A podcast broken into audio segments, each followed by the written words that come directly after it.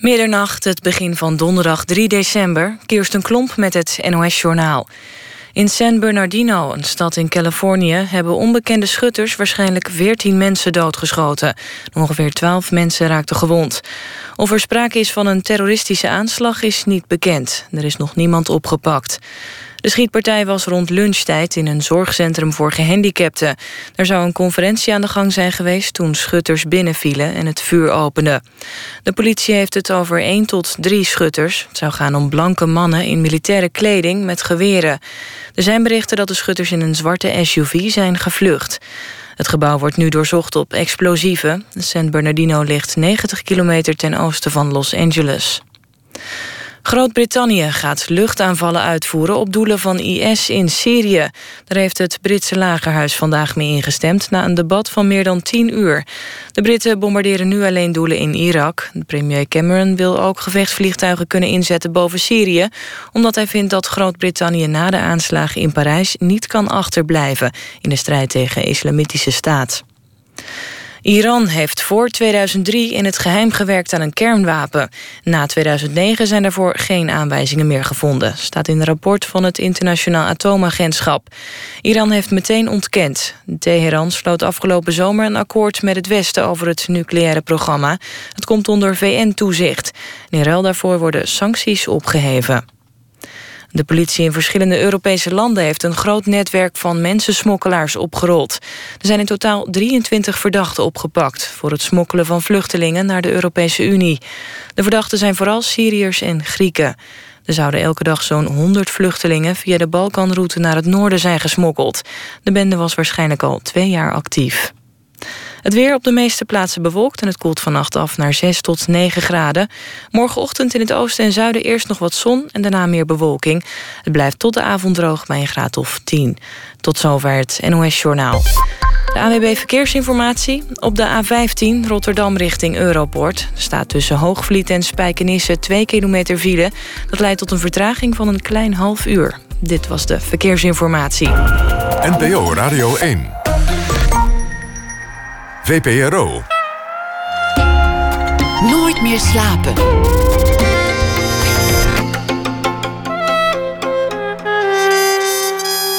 Met Pieter van der Wielen.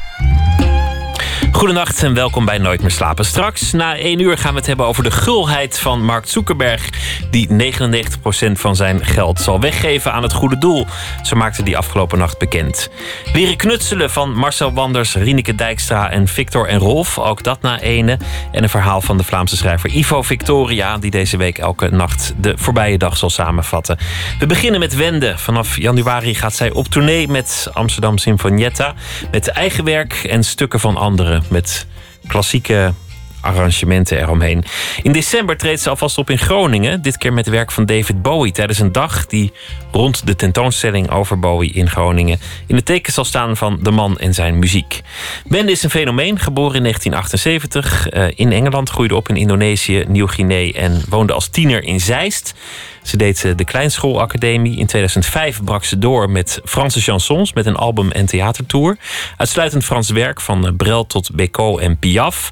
Ze werd er beroemd mee. Ze had een heel leven comfortabel chansons kunnen zingen... in alle mooie zalen van ons land en omstreken. Maar daar is het eigenwijs voor. Ze koos anders en zingt nu al jaren eigen werk... maar ook nog steeds wel werk van anderen. Van Schubert tot Bowie tot Stromae. Eigenlijk deinst Wende nergens voor terug. Wende, hartelijk welkom. Goedenavond, goeienacht. Ik zag je niet zo lang geleden optreden ergens. Uh, er was een soort literair gebeuren. Je speelde een paar liedjes. Een fotograaf kwam iets te dichtbij. Het was een beetje een raar moment eigenlijk. Jij was aan het zingen. Hij, hij drukte af. Jij stopte en je zei: Weet je hoe dat is? Dat is alsof je met iemand ligt te vrijen. En iemand je dan onderbreekt. Terwijl je er net helemaal in zit. Ja. En ik vond het een mooie uitspraak. Want dat zegt volgens mij iets over hoe jij zingt. Hoe jij op het, op het podium beleeft. En bedoel ik niet zozeer de, seksuele connotatie, maar het lijkt alsof je in een andere staat komt. Nou ja, het is meer uh, ook de communicatie die je aan met het publiek aan het maken bent. Dus in principe uh, verstoort iemand dat. En, en, en dat vind ik heel vervelend. En, uh, en dan, omdat hij dan van mij meer een soort object maakt om naar te kijken, in plaats van dat je samen in een ervaring zit. En heel gek genoeg, ik heb Eh, twee weken geleden heb ik opgetreden en toen gebeurde precies hetzelfde. En ik heb het nooit meer gezegd. Maar ik dacht toen, ik moet dit nog een keer zeggen. Want dan begrijp, begrijpen ze is- misschien wel dat het zo, zo intiem voor mij voelt als ik aan het zingen ben. Want da- daar wil ik naartoe. Want, want dat, dat er af en toe een fotograaf eh, niet kort gehouden wordt. Of dat er Nee, nee, iets nee, maar het ging echt dat hij echt dicht. Hij ging gewoon in een heel zacht nummer. Ging die echt gewoon, nou ja, ertussen staan en gewoon zijn moment pakken. Alsof, alsof dat wat er op dat moment aan het gebeuren was, helemaal niet aan de hand was. Ik vond het schokkend echt. Maar jij bouwt een band op met je publiek. Je zegt dat is heel intiem. Het lijkt ook alsof je, alsof je daar heel erg in zit. Kun je dat omschrijven, die band met dat publiek? En, en de staat waarin jij bent tijdens het, tijdens het optreden? Nou, het is een beetje banaal misschien om dat uit te leggen. Of omdat het dan ook. Ja, Als je het kan er niet zo goed. kapot. Nou, ik kan het niet zo goed benoemen, maar in ieder geval de insteek voor mij is dat, dat je met elkaar in een concentratie komt. Eh, ja, eh, eh, omdat dat de ervaring maakt. En ook de intentie van de ervaring bepaalt. Eh, dat vind ik het magische aan theater. Snap je? En dan wordt het, wordt het ook een tweerichtingsverkeer op de een of andere manier. Ja. Je noemt het theater. Dat is opmerkelijk. Want je, je zou het ook een concert kunnen noemen. Het gaat tenslotte altijd toch om muziek in essentie. Maar jij zegt nu, het is ook theater. Ja, voor mij. Ja, grappig. Eh, Voor mij. Wat ik doe is het verhaal vertellen op muziek. En, en dat voelt. Dat is voor mij theater. Eh, hoewel het natuurlijk een- concert is en het zijn liedjes. Alleen de liedjes die ik doe. Ja, zijn eigenlijk bijna mini-theaterstukjes. En een theaterstuk is een conflict wat uitgewerkt wordt. Snap je? Een vrouw komt binnen, wordt vermoord door man, ontwikkelt zich en nou ja, einde verhaal. En dat, en dat is voor mij, elk liedje is dat. Dat is wat theater voor mij is. Dus het voelt altijd, of ik nou in een club sta of een poplied sta te zingen of in een theater sta, het is theater voor mij. Je begon met eh, het Franse chanson. Je had, je had dat nog volgens mij tot in de eeuwigheid kunnen doen. En er, er was altijd publiek geweest. Inmiddels zijn we op een punt gekomen dat je, dat je ook Bowie doet. En, en, en eh, Stromae, dat is dan wel weer Franstalig. Maar ook Schubert kan er ook tussen. Het, het is ontzettend breed Ja, het is breed in zijn genres, maar eigenlijk in de stijl, gewoon binnen al die stijlen, zit er één grote gemene deler. En dat is, dat is eigenlijk dat het verhalen zijn. David Bowie is eigenlijk een chansonnier, wat mij betreft. Er zijn eh, nummers die hij geschreven heeft, dat zijn monologen. Weet je, eh, eh, A Letter to Hermione of Wild Eyed Boy from Free Cloud. Dat zijn, dat zijn hele. Ik bedoel, vooral die laatste, dat is een heel theaterstuk op zich. En ehm, Schubert, of tenminste de tekst van Müller, dat, dat zijn verhalen en, en ook m- m- binnenmonologen van de zanger. En, en nou ja, chanson, ik, eh, wat er is gebeurd is. Ik begon met het zingen van de chanson toen ik afgestudeerd was van de kleinkunst. Omdat mijn grote droom was om met een eigen show langs de theaters in Nederland te gaan.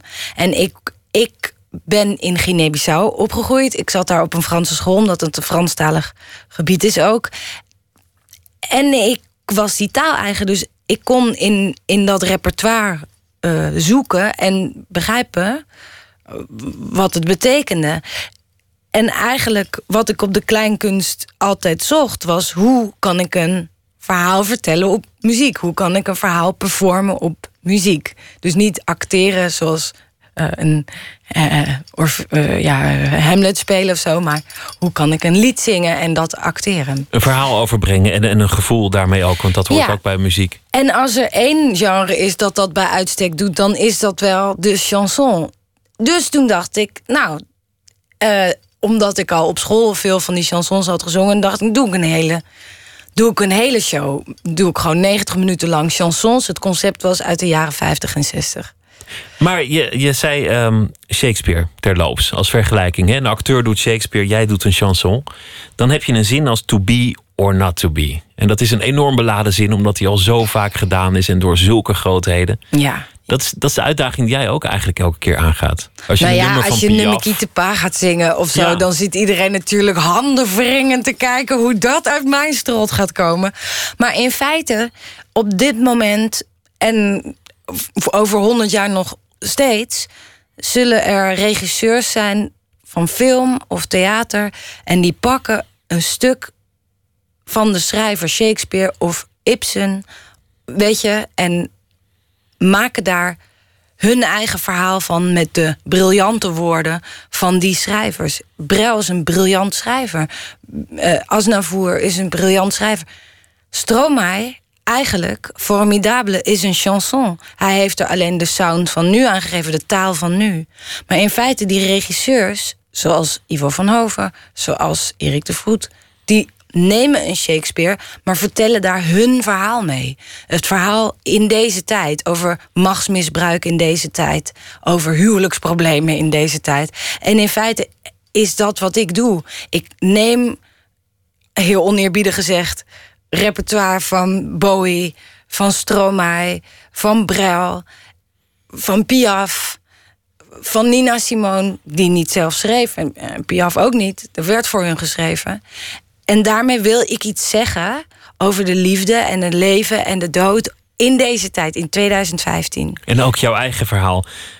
Je maakt het jezelf wel moeilijk, denk ik soms. Ik bedoel, ik heb bijna de indruk dat jij het jezelf moeilijk moet maken om optimaal te kunnen functioneren. Nee, want ik denk dat het resultaat, of tenminste de consequentie van mijn vragen, misschien ja, een moeilijk resultaat geven. Dus wat ik bedoel is, ik denk dat een mensenleven complex is. En ik vind het mooi om daar poëzie van te maken. Maar dan moet ik het niet behandelen alsof het niet complex is en oppervlakkig. Dus voor mij, als ik de dood onderzoek, of het leven, of de liefde, of mijn liefdesverdriet, of weet ik veel, als een dierbare van mij overlijdt, dan dan zijn dat complexe gevoelens die ik genuanceerd uh, weet je, wil delen met een publiek, opdat zij zich ook serieus gevoel, genomen voelen in, in de emoties die zij hebben. En ik maak het mezelf niet. In die zin maak ik het mezelf makkelijk. Ik, ik ga uit van wat er echt is. David Bowie, dat is een. je, je zei al een paar dingen over hem, een, een verhalenverteller. Maar ook bij uitstek een chameleon. Iemand die, die nooit deed wat het publiek van hem verwachtte. Hij was altijd twee stappen verder. Snel verveeld vermoedelijk. Mensen waren gewend aan, uh, aan, aan, Ziggy Stardust. Of hij, hij ging alweer naar Berlijn om iets heel anders te doen. Of hij kwam terug als een, als een, als een, een gladianus met disco-hits. En dan zat hij weer in een rockband. Alle kanten vlogen die op. wanneer kwam Bowie eigenlijk in jouw vizier? Nou, ik heb altijd wel zo af en toe geluisterd naar hem. En ja, mm, wel eens gefantaseerd om nummers te zingen van hem. Maar kon nooit helemaal de goede tijd of de goede context vinden om dat te doen. Mm, maar nu dus, bij de opening van die David Bowie uh, tentoonstelling... die in het Groningen Museum gaat openen 10 december... toen werd ik gevraagd om om Bowie te, uh, te zingen. Ah, ik herinner me nu wel hoe dat komt dat ze mij gevraagd hebben. Vorig jaar, toen was de val van de muur 25 jaar geleden. En dat was die wende. En ik had, mijn laatste plaat heb ik gemaakt in Berlijn, Last Resistance.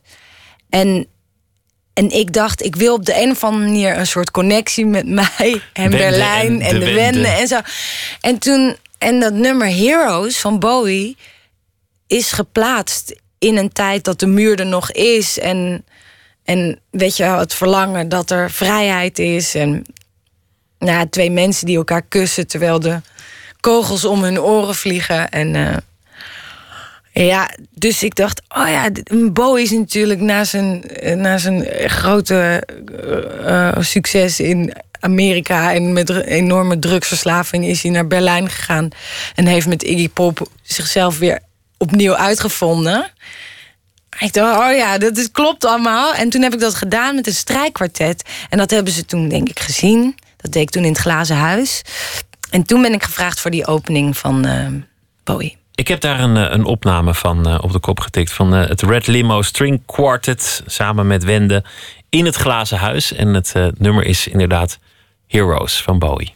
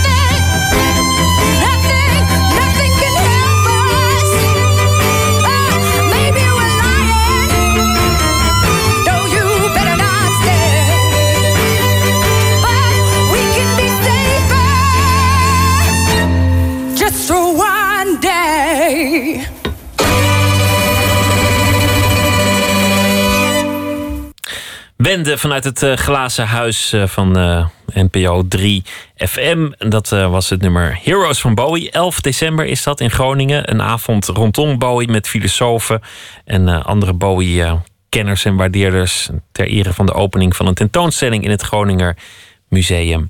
Wende, we hebben het, we hebben het net gehad eigenlijk over, over wat jij probeert te doen. Je zei ik wil verhalen vertellen die over mijn eigen leven gaan. Niet alleen maar over mijn eigen leven. Over het leven. Ja, het leven. En dat is heel ook persoonlijk.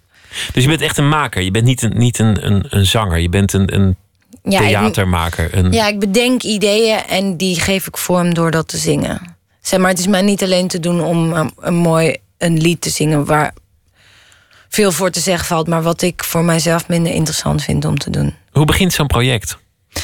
Nou ja, eigenlijk net zoals met zo'n Heroes, wat ik zeg. Ik, ik denk na over 25 jaar de val van de muur. Ik ben op dat moment bezig met die plaat. Weet je, ik heb het in Berlijn opgenomen. Ik, ik voel een connectie daarmee. Ik wil op de een of andere manier mijzelf daar ook zingen mee verbinden.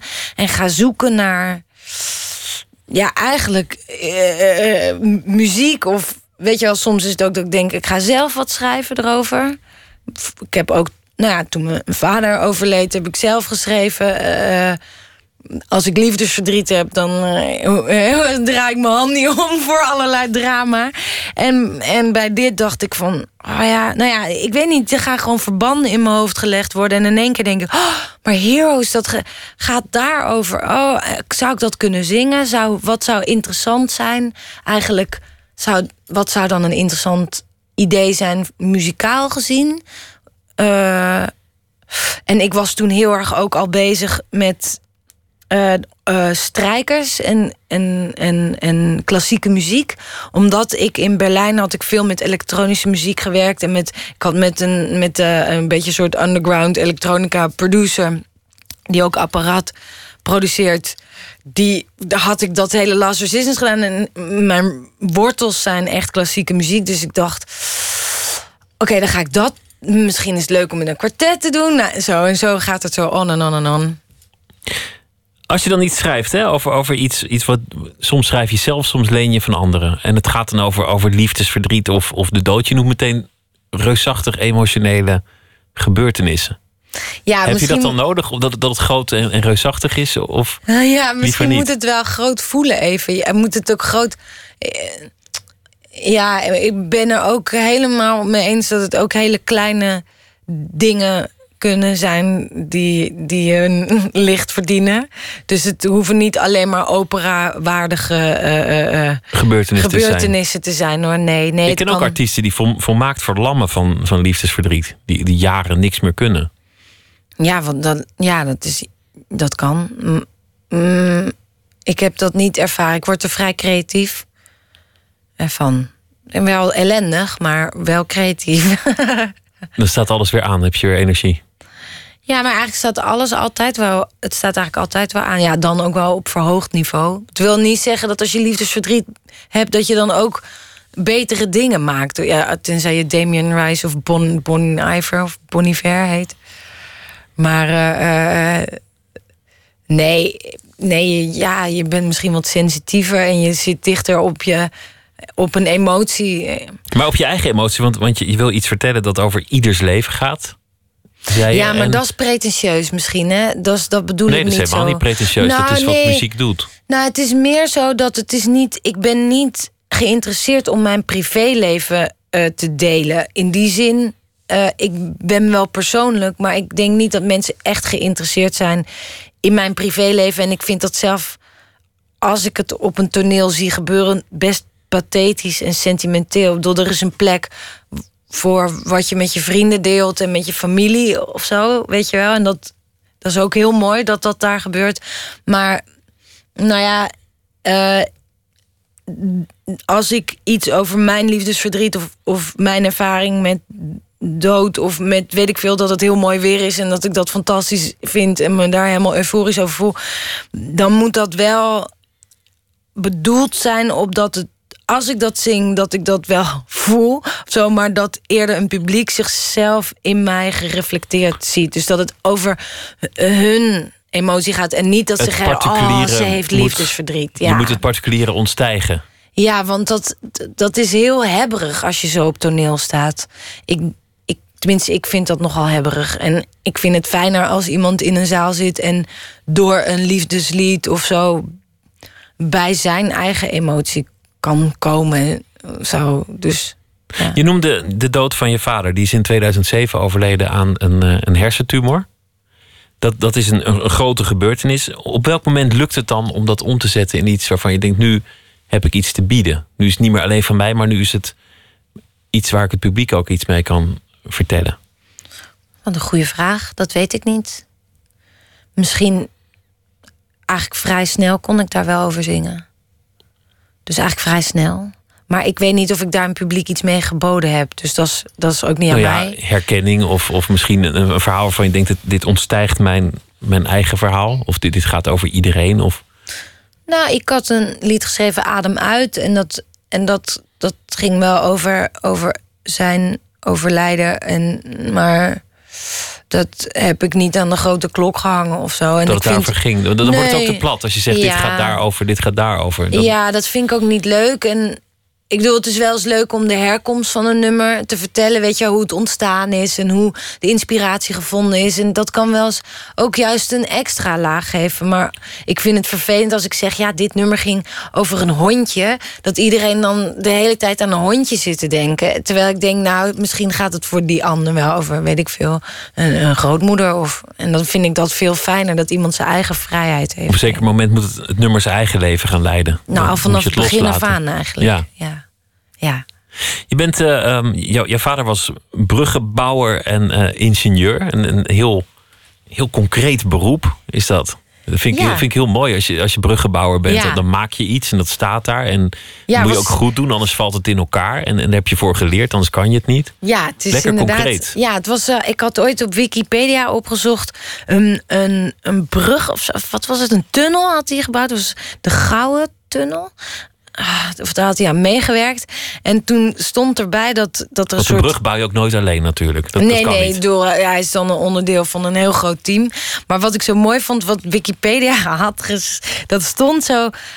Ik kan het nu echt niet goed nazeggen, maar om het even te versimpelen, dat, eh, dat ze, er was een knelpunt. Wat ik al sowieso al mooi gegeven. Er was een knelpunt, dus daardoor was heel veel file. En toen hebben ze een soort eh, invoegstrook met zoveel centimeter door dit en die berekening verbreed. En daardoor met een brugbouw. Ja, ik ben on- onsamenhangend omdat ik geen ingenieur ben. Maar, en daardoor, conclusie, was dat knelpunt opgelost. Dus ik dacht, ik was helemaal ontroerd. Omdat ik dacht, oh ja, maar het is ook inderdaad zo concreet dat je met een haven en met een invoegstrook en met berekeningen en met een, weet ik veel, met een irrigatiesysteem waar die aan werkt in Indonesië, dingen oplost. Is toch prachtig? ja, ik vind dat heel mooi. En op de een of andere manier, ja, vind ik dat een mooie herinnering of zo. Ja, Een herinnering aan je vader ja, je? ja, ja dat hij dat gedaan heeft. Het lijkt wel alsof jij dan in, in het spectrum van de mate van concreetheid der dingen elders bent Echt? beland. Achteraan de rij stond. eh, Nou ja, het is ook concreet. Je zingt, je staat op een podium, Ja. er komt publiek. Ik bedoel, het is allemaal, allemaal Ja. prima uit te leggen. Het is niet abstract. Nee, en, maar ik bedoel, een emotie is ook vrij concreet. Alleen ja, je kan hem niet kopen of zo. Ik, ik, eh, maar in die zin probeer ik voor mezelf eh, ook een bruggenbouwer te zijn. En misschien wel een haven te zijn. En misschien ook wel een irrigatiesysteem. Alleen En problemen wetten, op te lossen ook? Nou, nou, nee. Nee, nee. Maar je- ik onderbrak je, je wilde iets zeggen. Nee, nee, maar de wetten volgens hoe, hoe, hoe je dat doet, die zijn misschien ook wel concreter dan je zou denken. Namelijk, hoe zit een compleet in elkaar? Hoe ga je van de ene akkoord naar het andere akkoord? Hoe laat je zeg maar, de strijkers erin komen? Wat is een mooie overgang? Eh, Weet je wel, hoe zet je het licht ergens op? Je manipuleert in die zin een heleboel om, om tot misschien wel een bepaalde emotie te komen. Of het nou vreugde is, of je, je trekt mensen mee in woede, of, weet je, of in euforie, of de zin om te dansen, of, of een soort totale implosie. Nou, dat, is, dat wordt gemanipuleerd met allerlei techniek en concrete zaken. Maar echte wetten zijn er toch ook niet, denk ik. Want je kunt ze breken en, en soms werkt het helemaal niet... Ja. terwijl je je aan alle regels hebt Helemaal gehouden. waar. Ja, nee, anders zou iedereen met vlag en wimpel de Voice of Holland winnen natuurlijk. Maar Ja. nee, eh, er zijn ook geen wetten. Er is ook natuurlijk, en dat is het leuke ervan. Er is zoiets als, als, als dat, ja, dat magische aspect en, en het werken met je, ja, je, talent en je intuïtie. En, en ook charisma. welke dag het is. Kan ook zo, maar het, het kan soms zijn dat het op dinsdag heel anders is dan op zaterdag. Jullie, jullie reisden veel rond, want je vader die, die deed irrigatiewerken, bruggen, tunnels en alles over de hele wereld. Woonde je een paar jaar op de ene plek, dan op de andere plek. Ja. Eerst, eerst Engeland, toen Indonesië, toen Guinea-Bissau. Zou ja. En toen in Zeist. Toen in Zeist. Ja. Guinea-Bissau, dat, dat zei je net, dat, dat was al de francofone wereld. Dus daar heb je al de Franse taal van Ja. meegekregen. En eh, Indonesië, gewoon, maar ik was toen vier. En maar toen zat ik op een Amerikaanse kleuterschool. Ja, nou ja, ik, ik pretendeer niet dat ik daar eh, vloeiend Engels van heb eh, kunnen spreken. Maar ik ben wel snel met talen. Dus ik, ik, ik, het is een knobbel. En ik stond ook echt helemaal achter in de rij bij eh, de beta-kant. Dus voor mij, eh, de, de talen zijn me meegegeven, maar een normale rekensom maken is mij niet gegeven. Mm, En een buitenstaander zijn, of je, of je snel kunnen aanpassen aan, aan anderen. Want je, want je zit dan toch als een, als een, een Nederlands kind in Afrika op een school. Nou ja, ik denk dat je wel. Dat is een overlevingsmechanisme die volgens mij in iedereen zit. Is dat je bij een groep wil horen. Dus ik bedoel, waar je ook zit, en zeker als kind, je, je, je, wil, je wil in een groep vriendjes maken. En eh, ja, dus ik denk. Ik denk dat ik daar wel iets meer training in gehad heb dan iemand die eh, vanaf zijn nulde tot zijn 18 op dezelfde plek woont. En je bent gewend geraakt aan anders zijn. Of, of op jezelf staan. Of Ja, maar je hebt me nooit echt heel an- anders gevoeld. Ik probeer me dat te bedenken. Nee, ik, ik, eh, ik, weet, ik kan niet zo goed. Ik denk dat ieder mens zich toch ook een beetje anders voelt. Ik bedoel, het is Ik toch gek het. dat ik nu niet weet wat jij denkt. Jij denkt nu van alles, dat weet ik niet. Dat maakt mij meteen al een, een buitenstaander van, van jou. we zullen de ander nooit helemaal begrijpen, bedoel je? Nee, Denk ik ook niet. nee. Maar dus, nou, je kan wel een poging doen met elkaar te leren praten, toch? Ik hoop en, het. Ja, ja, en in die zin, ik, wat ik wel tof vond, is uiteindelijk. ehm, ik heb in Afrika zat ik in een klas met Colombianen en Portugezen en Fransen. En, en mijn beste vriendinnetje kwam uit Uruguay. En als kind leer je een taal sowieso gewoon sneller dan een volwassene. En wij spraken al die talen door elkaar heen. En gewoon spelenderwijs al die culturen, al die verschillende weet je wel, gewoontes, die, die ja, kreeg ik gewoon, eh, ja, gewoon op mijn bord. Of hoe zeg je dat, daar ging mee om. En dat vond ik hartstikke leuk. En later was het, was het Zeist. Zeist, daar, daar heb ik wel echt een beeld van. Van, van hoe, het, hoe het leven in Zeist moet zijn. Ja. Dat- Ik vind het een mooie omgeving in deze tijd van het jaar ook. ja, we leefden in een heel mooi, hele mooie natuurrijke omgeving. Mooi huis met een bos vlakbij, maar ook recht. En ik bedoel, Nederland is vrij recht ten opzichte van Guinea-Bissau. Eh, De regels en zebrapaden en de regels. En eh, ja, eh, ik bedoel, in Afrika is het ook echt best wel improviseren. Ik heb, mijn moeder is nu onlangs, eigenlijk gisteren verhuisd naar Utrecht. Dus het huis Het ouderlijk huis is, het niet ouderlijk meer. huis is niet meer. En, eh, en daardoor, door, door dat verhuizen en opruimen, zijn er allerlei herinneringen weer opgerakeld door alle dingen die door je handen glijden. En er zijn ook eh, eh, allerlei, ja, hoe zeg je dat? Nou, niet echt dagboekaantekeningen, maar toch ook, ja. ja het- Memorabilia. ja, eh, van mijn vader toen we in Afrika waren. Dat was zo tof om te lezen. En daarin lees je echt, het was echt improviseren. Er was gewoon helemaal niks. En dan, ja, dan is het wel anders als je in Nederland komt, waar in principe alles is en alles geregeld is. En ook in groepen, sociale groepen, zijn de gelederen redelijk gesloten. Dus ik weet niet. eh, ja, of je je dan anders voelt of dat het gewoon ingewikkelder is om dan bij een groep te komen. Jij kwam in Zeist, je kwam iets later. Dan, dan, dan ben je het nieuwe meisje in de klas.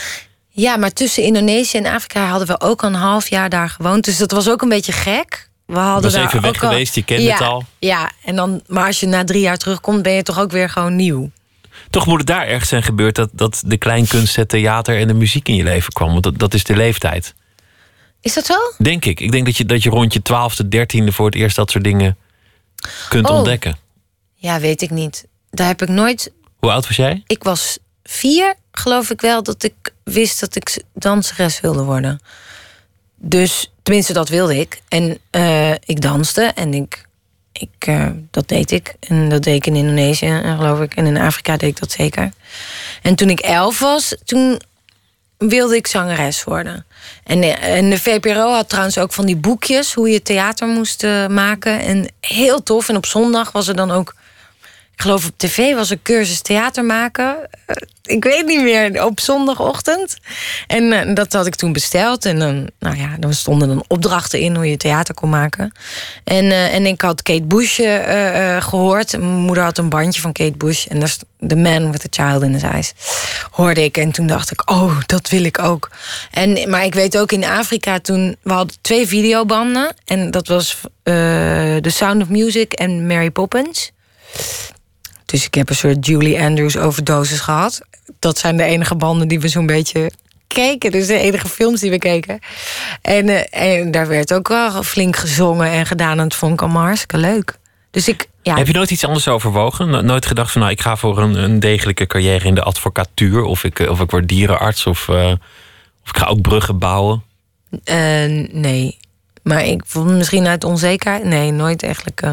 Ik heb wel op mijn zestiende elke eh, opleiding aangevraagd die er maar was, zijn- kon zijn. Zeg Maar ook scheikunde, terwijl ik het niet meer in mijn pakket had. Heel gek. En eh, nee, maar ik wist gewoon al.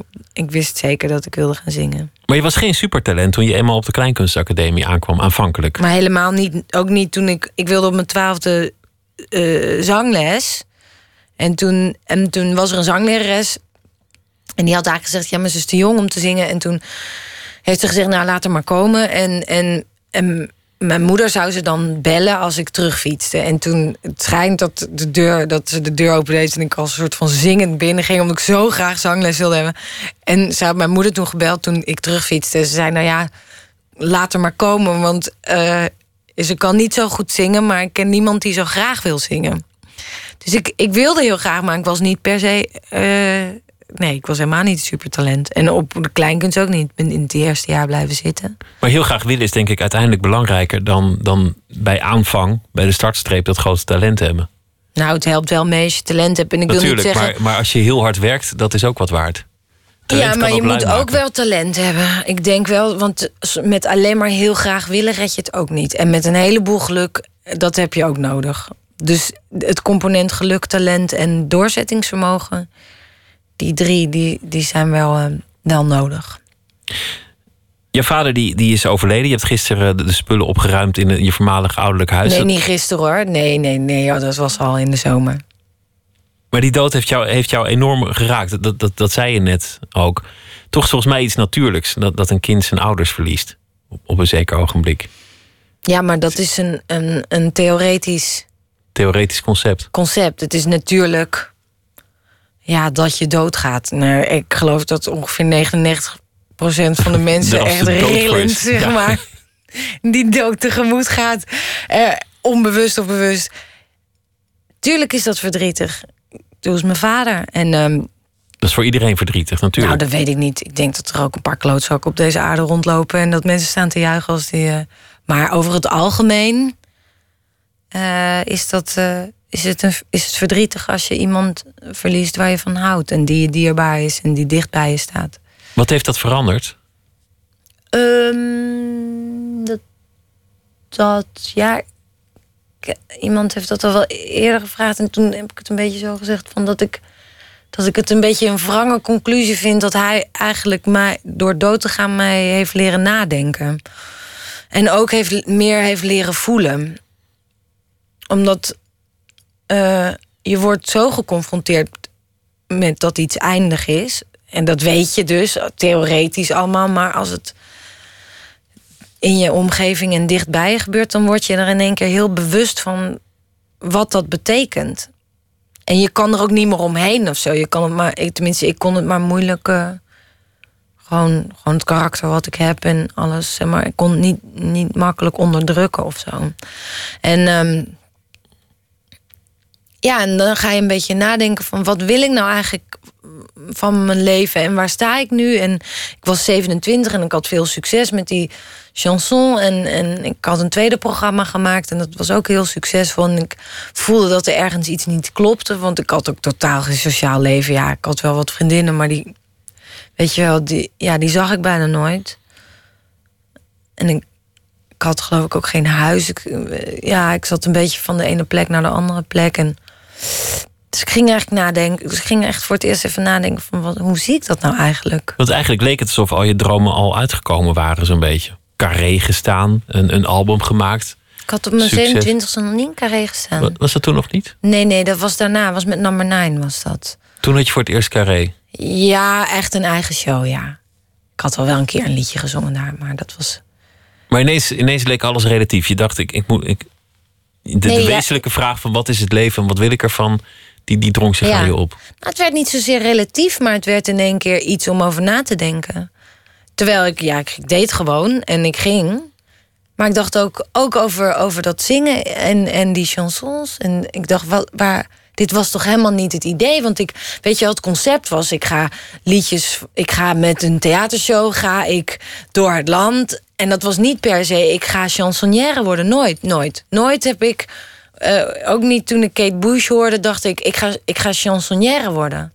Eh, ik wilde met een theatershow, met eigen liedjes, door het land.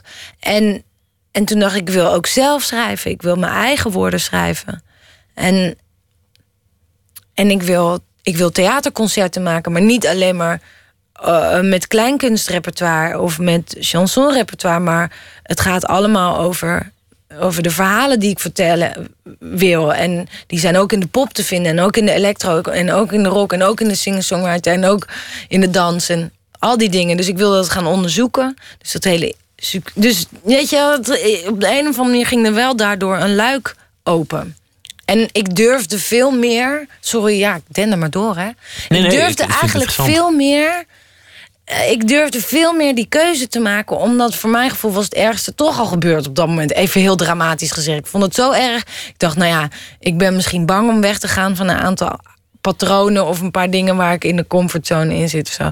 Maar ja, nu maar gaan dan. Hè? Vind ik een herkenbaar gevoel. Toen, toen, toen mijn vader stierf, dacht ik ook: goh, is, is dit het nou?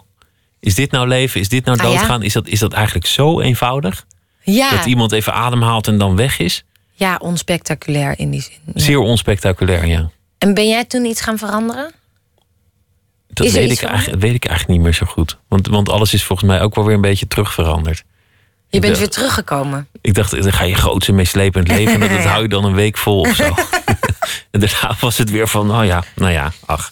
Of concludeerde je gewoon dat wat je deed gewoon helemaal goed was eigenlijk ook? Want dat kan toch ook een mooie conclusie zijn? Dat zou ook kunnen, ja.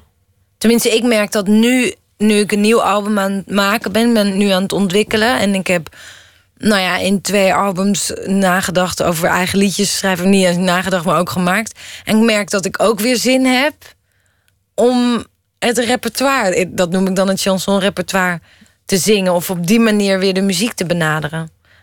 We gaan eh, luisteren naar eh, een, een stuk dat je met Amsterdam Sinfonietta gaat doen van eh Stromae.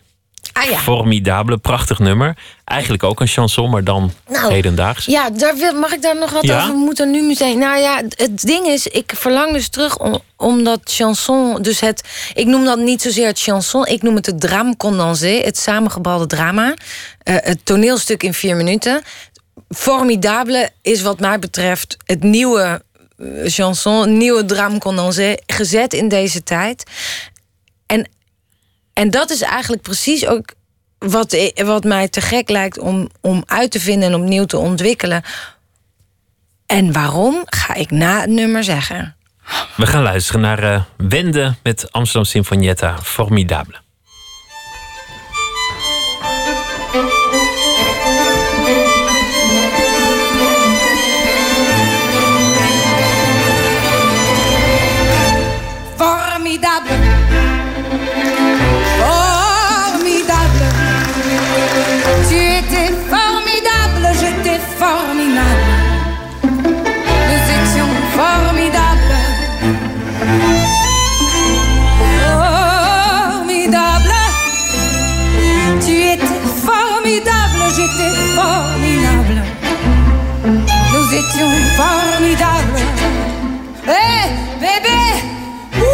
Pardon, monsieur. Je vais pas vous draguer. Promis, juré. Je suis célibataire et depuis hier, putain, je peux pas faire des enfants. Mais bon. Hé, reviens Cinq minutes, quoi. Je t'ai pas insulté. Je suis poli, courtois, un peu fort bourré. Pour les filles comme moi, vous en avez autre chose à faire. Vous me pourriez y hier. Oh, j'étais. Formidable.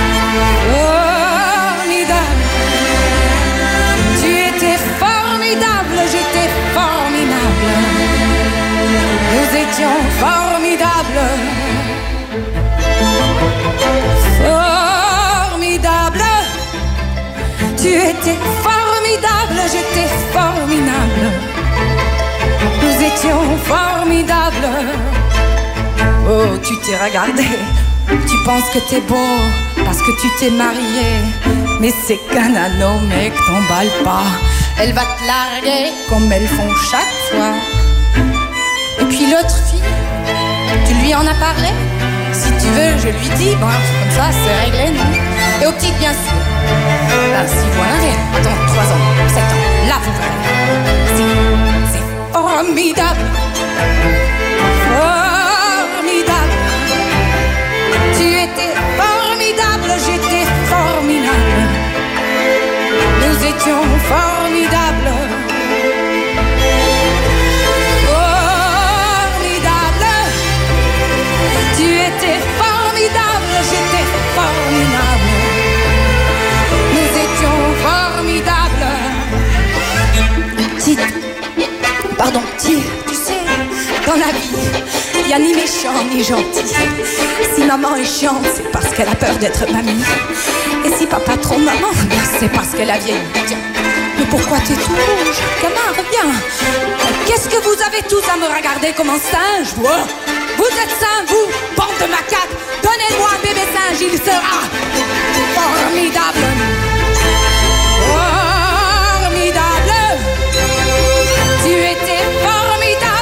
Formidable. Nous étions formidables. Formidable. Tu étais formidable, j'étais formidable. Nous étions formidables.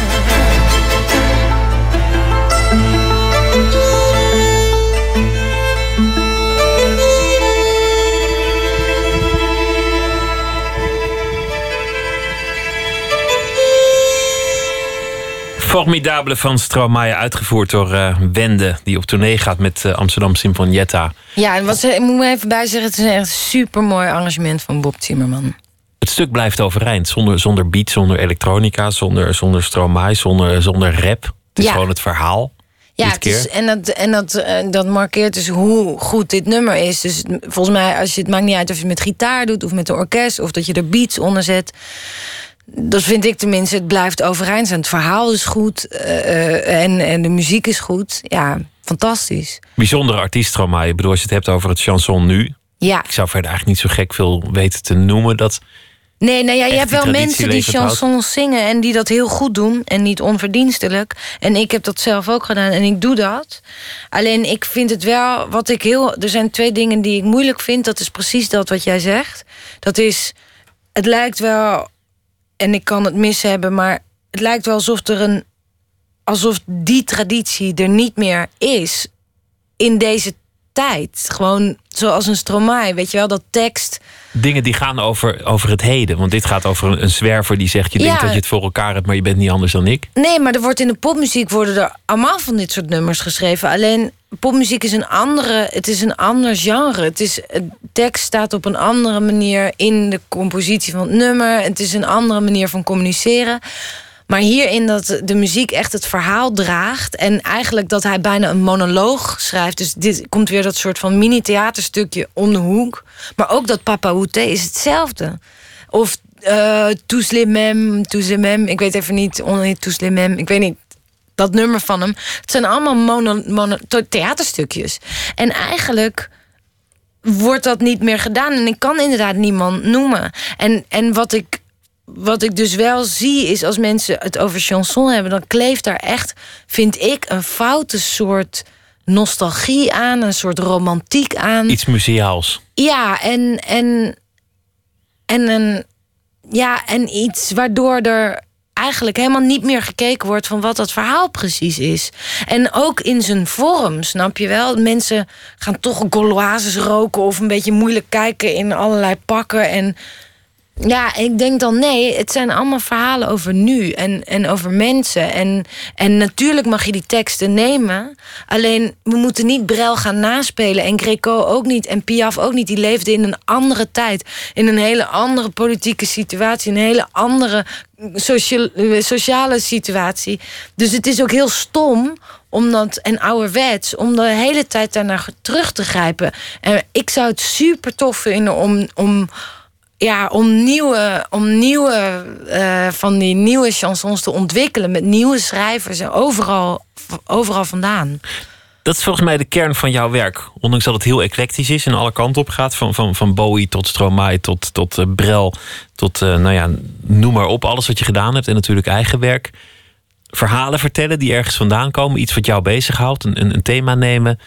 En dat op een theatrale manier vertolken. Ja. Echt een verhaal vertellen en dat brengen ja. aan de mensen. Ja, en dan, en dan eigenlijk nog een stap daarna is... Ik noem dat dan ja, je zou het muziektheater noemen, maar ik noem het theaterconcerten. En of dat nou in een club is of in een theater, dat maakt mij niet uit. Snap je? Het gaat er mij om dat die nummers allemaal. Dus als je een concert hebt, staan die nummers allemaal ten opzichte van elkaar. Weet je, als ze vormen één geheel. Dus dat is bijna ook toen. Waarom ik het theaterconcert noem, is omdat het een dramaturgische ontwikkeling heeft normaal in een concert heeft, bedoel, over het algemeen een setlijst een dynamische ontwikkeling. Namelijk gaat het heel erg over wat de flow van de muziek is. Een snel nummer aan het begin, dan wat rustiger, dan weer opbouwen, dan eh, de hits bij de toegift. Ja, en dat is super mooi. Ik bedoel, ik, ik ga alleen heb ik het over wat ik tof vind om te onderzoeken, is dat het dat je kijkt vanuit een, nou ja, een thema. Of weet je wel, iets wat je wat je interesseert en je neemt dat en je bekijkt de dramatische ontwikkeling daarvan. Bijvoorbeeld met Sinfonietta in januari nu. Als ik die tour ga doen met ze, dan hebben we een thema genomen en we dachten: goh, we gaan eens een keer gewoon een groot cliché pakken en dat is de romantische liefde. En en dan, nou ja, dan heb je een thema. Nou, er zijn wel 7 miljard liedjes over de liefde geschreven. Dus hoe ga je daar dan, hoe ga je daar dan één, uh, uh, setlijst van maken en dingen uitkiezen. En, en, de, en de ontwikkeling is eigenlijk dat je gaat van de euforische romantiek naar een totale tot aan de nekslag van de relatie. Dat eh, de dood uh, van de relatie en, en daarna en de wederopstanding. Het liefdesverdriet. Ja. Je zei dat, dat, dat je een soort enorme reset had gehad. Dat je anders ging nadenken over je leven. Omdat je ineens zag, oh ja, het staat toch uiteindelijk tegenover die afgrond die, die de dood is. Toen hebben we het eigenlijk voornamelijk gehad over, over je werk, je, je carrière. Nu je ja. toch de romantische liefde erin brengt. Hoe zie je je leven op dat vlak? Heb je daar een beeld van hoe je zou willen leven? Nou, ik leef dat nu. Ik heb, ik heb een liefde en daar ben ik heel gelukkig mee. En, um, en dat gaat heel goed.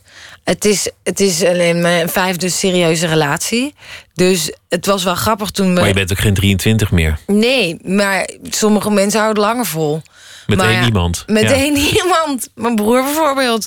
Maar uh, die is nu 20 jaar samen met iemand. Dus dat is... Uh... Is dat wel een droom? Een nee, ik heb, nee, nee ik, de, de enige droom die ik heb... is dat zeg maar, de relatie die ik heb levend is. En, en dat hoeft niet groot en meeslepend te zijn, maar wel dat je, dat je wakker bent en dat je moedig bent, weet je wel, met elkaar. En dat je kan praten met elkaar. En dat je, ook als je oncomfortabel bent, dat je, het, dat je daar met elkaar doorheen komt. Maar het hoeft niet altijd te duren. Um, nou, het zou mooi zijn, want ik, ik vind het mooi als je langer met elkaar bent. Net zoals met vriendschappen die langer duren. Dat zijn rijpe vriendschappen, weet je wel. Ik vind het vind dat wel een mooi gegeven, maar ten koste van alles. Als je daardoor zwijgend en totaal op slot bij elkaar bent, omdat je het maar zo lang met elkaar wil volhouden, dan, dan, dan zeg ik, nou, doe dat maar niet. Nee, maar ik bedoel het ook niet op de manier van de katholieke kerk van je mag niet scheiden. maar het, het interessante is eigenlijk als je al een einde suggereert, vaak dan is het al in zicht. Je moet daar enorm mee oppassen. Op de een of andere manier moet je elkaar altijd beloven: nou, dit is voor het leven. Vind je? Ja, ik, ik, ik denk dat dat zo Dat heel werkt. romantisch van je. Nou ja, dat, dat is dus ook. En ook pragmatisch hoor. Want, want, want kijk, Nou mensen ja. rennen als je zegt, nou ja, het is leuk voor nu, maar we kijken wel, oké. Nee, nee, nee, maar het moet wel, het moet wel noodzakelijk zijn om, weet je wel, voor elkaar te gaan. En je moet, ik denk dat de inzet absoluut eh, eh, voor altijd moet zijn. Dus sorry, dat, ik, als je dat bedoelt, daar ben ik het helemaal mee eens. Alleen niet ten koste van alles. Ik denk dat je ook een bepaald realisme moet hebben dat het heel mogelijk kan zijn dat dat niet gaat werken. Want je leeft toch solitair ook.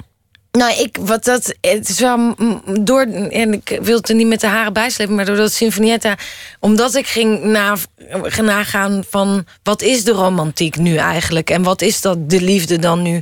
Voor mij heb ik een heel mooi interview gelezen van een scheidingsadvocate in de correspondent. En die en die, ze heeft zulke mooie dingen gezegd over dat realisme. Dus dat, is, dat je aan, en zij noemt dat een heilig realisme. Dus je moet eigenlijk van het romantische sprookje... moet je naar een soort heilig realisme komen. En zij zei, een van de belangrijke dingen is... dat je de eenzaamheid van de ander eh, respecteert en beschermt. Ja, dat vind ik heel mooi. Want er is- zit ook veel egoïsme in de liefde uiteindelijk. Dat, dat is ook de valkuil die, die erin kan sluipen. Want je wil iets van een ander. Wat Ja, maar is dat wel erg? Ik weet niet of dat zo erg is. Ik vind het niet erg om, om te zeggen van... ik verlang dat jij mij troost en dat je mij ziet. En dat, dat kan jij ook van mij verlangen. Ik vind dat soort egoïsme... Ik vind dat, ja, wel, ik weet niet of dat egoïsme is... maar ook een menselijke behoefte. Maar echte liefde moet iets overstijgen. Anders krijg je een soort boekhouding. Ik heb jou gisteren getroost, nu moet jij mij morgen nee, maar dat zeg ik toch. Het is geen rekening. Maar als ik, als ik tegen jou zeg... nou, ik heb nu even jouw troost nodig... dan is dat toch niet egoïstisch? Dan kan ik toch verwachten... Jezus, in wat voor soort gesprek zijn wij terechtgekomen? Ja, weet ik in godsnaam? niet. Maar laat het dan maar meteen even afmaken. Want, want, als je dan... Ik heb geen antwoord trouwens. Laten we Ik weet het ook niet, ik kom er ook niet aan. Ik, ik loop vast, joh. Nee, Hey, maar wacht even. Ik moet wel. Wat ik dus wel heel leuk vond bij dat hele verhuizen. eh, eh, en dingen opruimen, zag ik wel dat ik als kind, als vier tot denk elfjarige, hopeloos romantisch was. Echt. Prinses, wit paard, prins, lang en gelukkig. Dat was het gewoon. En dat wordt het ook met, met Sinfonietta. Daar gaat die tournee Daar ook begint over. het mee. En, en het eindigt met, met, met wrangheid. Hoe zou je willen sterven als het zover is? Jeetje, meen je dat? Ja? Eh, goh, nou niet ziek. In Zonder mijn pijn. slaap. In je Ik zou slaap. het wel lekker vinden in mijn slaap. Het hoeft niet eeuwen te duren, zeg maar. Het is niet zo dat ik denk, nou, laat mij maar 120 worden. Maar, eh, maar niet ziek in ieder geval. En dan optreden tot het einde. Dat zou wel leuk zijn. Maar ik bedoel, mensen om mijn omgeving moeten wel genoeg van me houden... om op een gegeven moment te zeggen... het is leuk dat je wil optreden... eh, maar niet meer voor zoveel mensen, want het is niet om aan te horen. Dus goed blijven. Maar ja, dat, dat kan toch? Dat gebeurt heel veel. Als naar voren treedt nog op.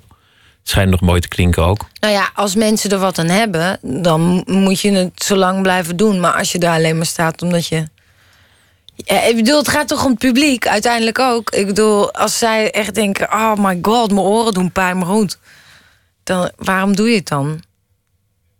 Het moet kunnen. Het moet kunnen. Gewoon eh 100, 100 jaar 100, oud worden. 100 jaar zingen. Nou, met liefde, ik zou, ik zou het willen doen tot ik er dood ben. Ja, absoluut. Op tournee vanaf eh, januari met eh, Amsterdam Sinfonietta. En in december in Groningen met eh, een hommage aan David Bowie. Waar nog heel veel andere dingen gebeuren rondom een tentoonstelling. Wende, dank je wel. Dankjewel. Dankjewel voor je vragen. En eh, we zijn bezig met de balans van 2015. Het is vroeg, maar het is tenslotte ook december. En we vragen dus aan eh, de mensen die luisteren... wat de hoogtepunten van 2015 waren in culturele zin. Wat heeft je leven veranderd? Welke film zal je altijd bijblijven? Welk boek heeft je zienswijze veranderd? Welk liedje was de soundtrack van je leven? Mail het nooit meer slapen vpro.nl. En we geven ook nog allerlei eh, dingen weg. Zou jij iets weten, Wende? Ah, ik dacht aan, eh, aan de film Ratatouille en het boek The Unbearable Lightness of Being. prachtige dingen. Ratatouille was, was, een, was een meesterwerk. Wat goed, een rat die kok wil Ja. worden. Prachtig. Tekenfilm. We gaan zo meteen eh, verder met Nooit meer slapen. Onder meer een verhaal van eh, Ivo Victoria. Twitter, het VPRO NMS. Mailen nooit meer slapen, het VPRO.nl. En de boel volgen via Facebook.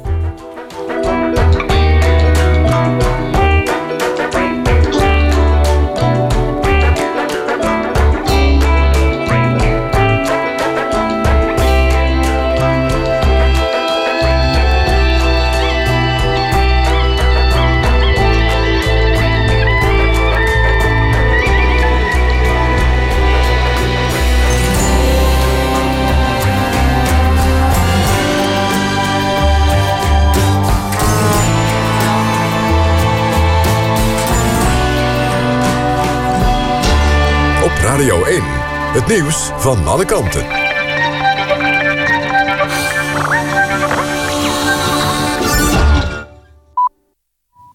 1 uur, Kirsten Klomp met het NOS-journaal. Bij een schietpartij in San Bernardino in de Amerikaanse staat Californië... zijn zeker 14 doden en 17 gewonden gevallen. Volgens verschillende media is een van de schutters doodgeschoten door de politie. Ook zo'n andere verdachten zijn opgepakt. Mogelijk zijn er nog meer verdachten voortvluchtig. De schietpartij was rond lunchtijd in een zorgcentrum voor gehandicapten. Daar zou een conferentie aan de gang zijn geweest toen de schutters binnenvielen en het vuur openden. Het zou om blanke mannen gaan in militaire kleding met geweren. De stad San Bernardino ligt 90 kilometer ten oosten van Los Angeles. Groot-Brittannië gaat luchtaanvallen uitvoeren op doelen van IS in Syrië. Daar heeft het Britse lagerhuis vandaag mee ingestemd na een debat van meer dan tien uur. De Britten bombarderen nu alleen doelen in Irak. Premier Cameron wil ook gevechtsvliegtuigen kunnen inzetten boven Syrië, omdat hij vindt dat Groot-Brittannië na de aanslagen in Parijs niet kan achterblijven in de strijd tegen Islamitische Staat. Frankrijk, de VS en Rusland voeren al luchtaanvallen uit op Syrië.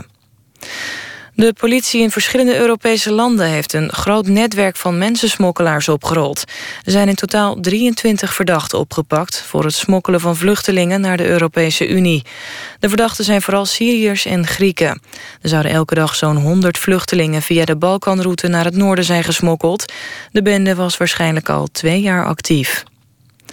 De prijs van een vat ruwe Brentolie uit de Noordzee is gezakt naar zo'n 42,5 dollar. Het laagste niveau in zeven jaar. Dat de prijs is gedaald komt onder meer doordat de olievoorraden onverwacht zijn toegenomen. Verwacht wordt dat de olieprijs voorlopig laag blijft. Grote oliehandelaren zeggen tegen persbureau Bloomberg dat het nog zeker tot 2017 duurt voordat olie weer duurder wordt. Het weer op de meeste plaatsen bewolkt en het koelt vannacht af naar 6 tot 9 graden. Morgenochtend in het oosten en zuiden eerst nog wat zon, daarna meer bewolking. Het blijft wel tot de avond droog en het wordt dan een graad of 10. Dit was het NOS Journaal. NPO Radio 1. VPRO. Nooit meer slapen.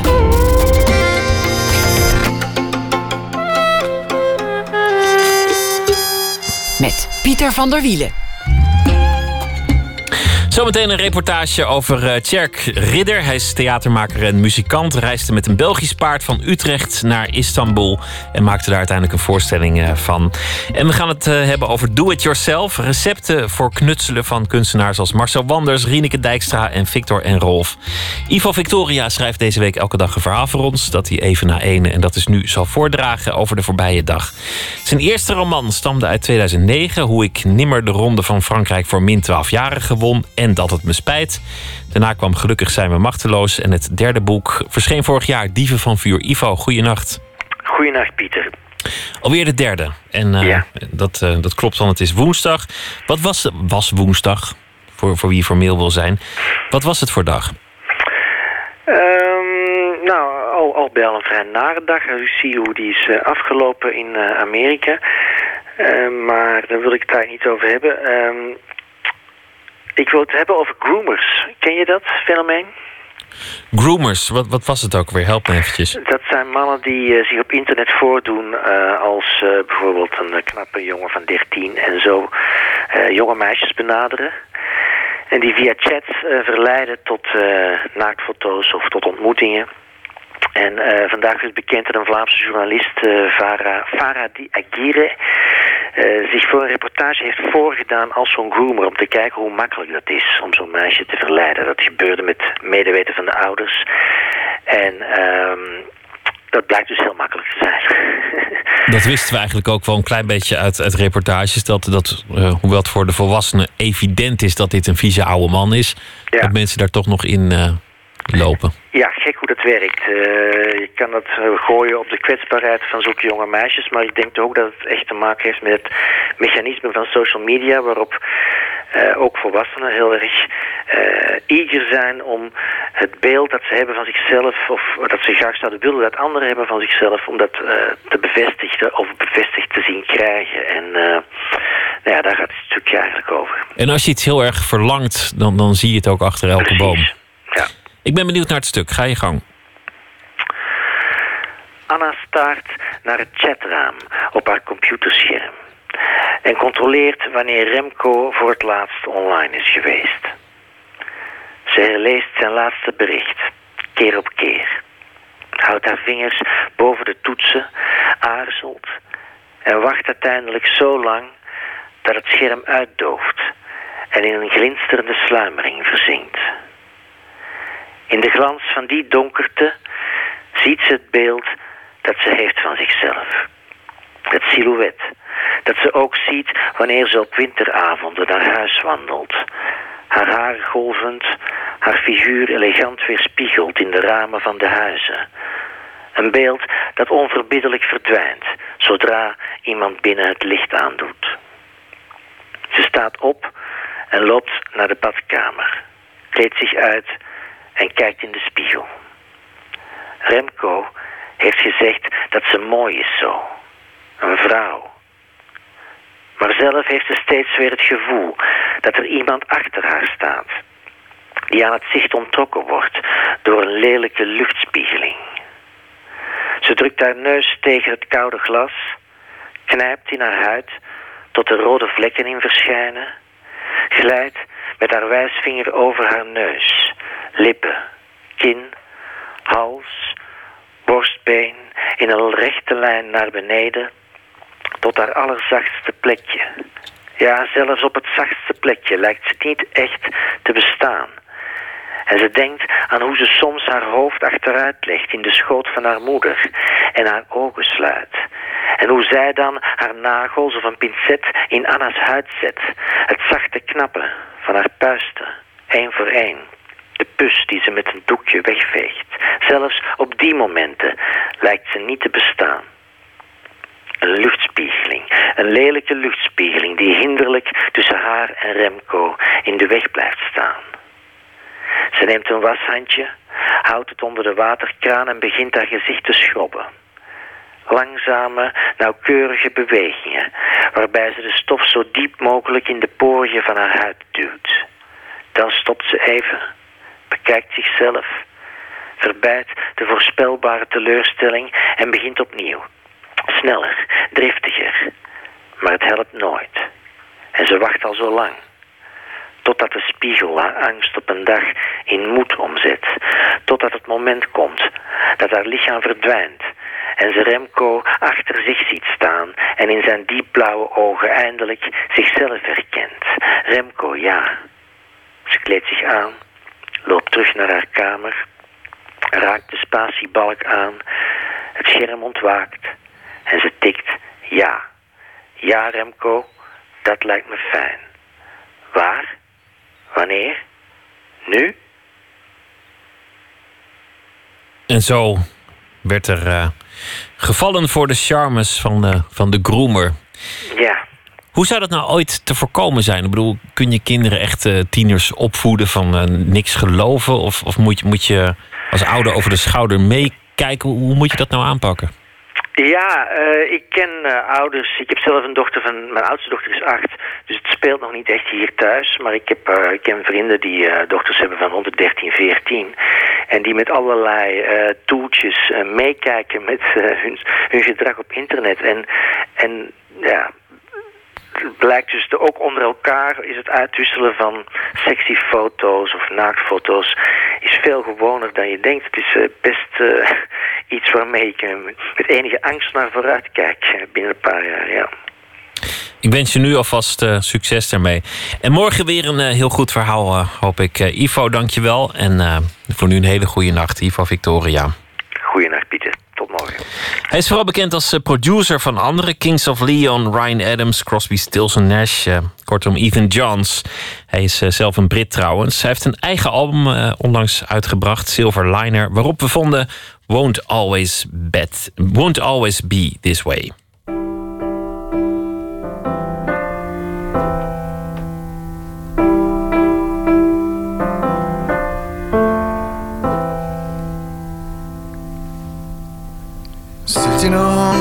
Kitchen floor, you stare at where the paint is worn, battered by eternal storms that rattle your back door. And the world outside is terrifying, but nothing can compare to the thoughts inside your head.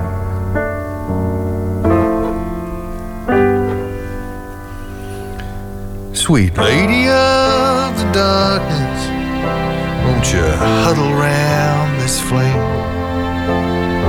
Cup your hands to kindness, and if those around are quick to judge, patience seizes, there's time enough. The day will surely break.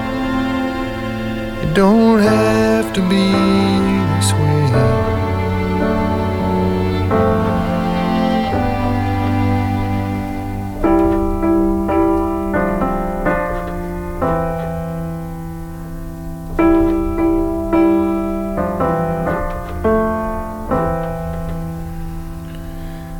Close your eyes to hide the pain.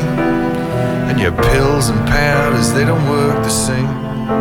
What's buried in that shallow grave, time only will betray. Now it's okay to justify, but there's many kinds of truth. And it's up to you to choose.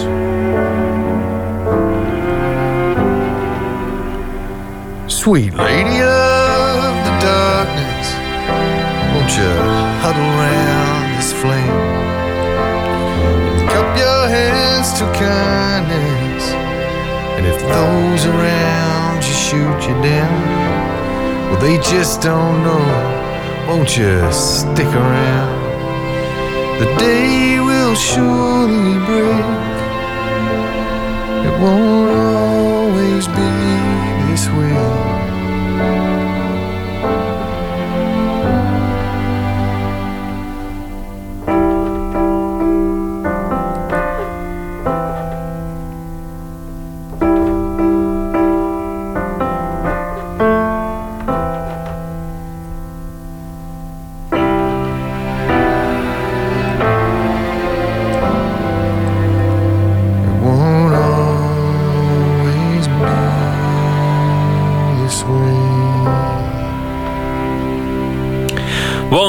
Always Be This Way. De Britse zanger en producer Ethan Johns was dat. Nooit meer slapen. Trekhaak gezocht was de naam van het eh, project waarmee theatermaker en muzikant Jack Ridder de afgelopen jaren heel Europa doortrok. Met alleen een caravan, eh, zichzelf afhankelijk opstellend van wie hem of hem eh, wilde meenemen. En nu doet hij een eh, volgend bijzonder project, namelijk muziektheater met een hoofdrol voor een Belgisch trekpaard. Elfie is daarvan de naam. Het project heet Slow Ride en eh, het thema is vrijheid. Afgelopen maandag probeerde Tjerk voor het eerst of Elfie last heeft van podiumvrees. En onze verslaggever Botte Jellema mocht erbij zijn. Nou, gaan we het even aankoppelen. Nog bekend van het vorige project?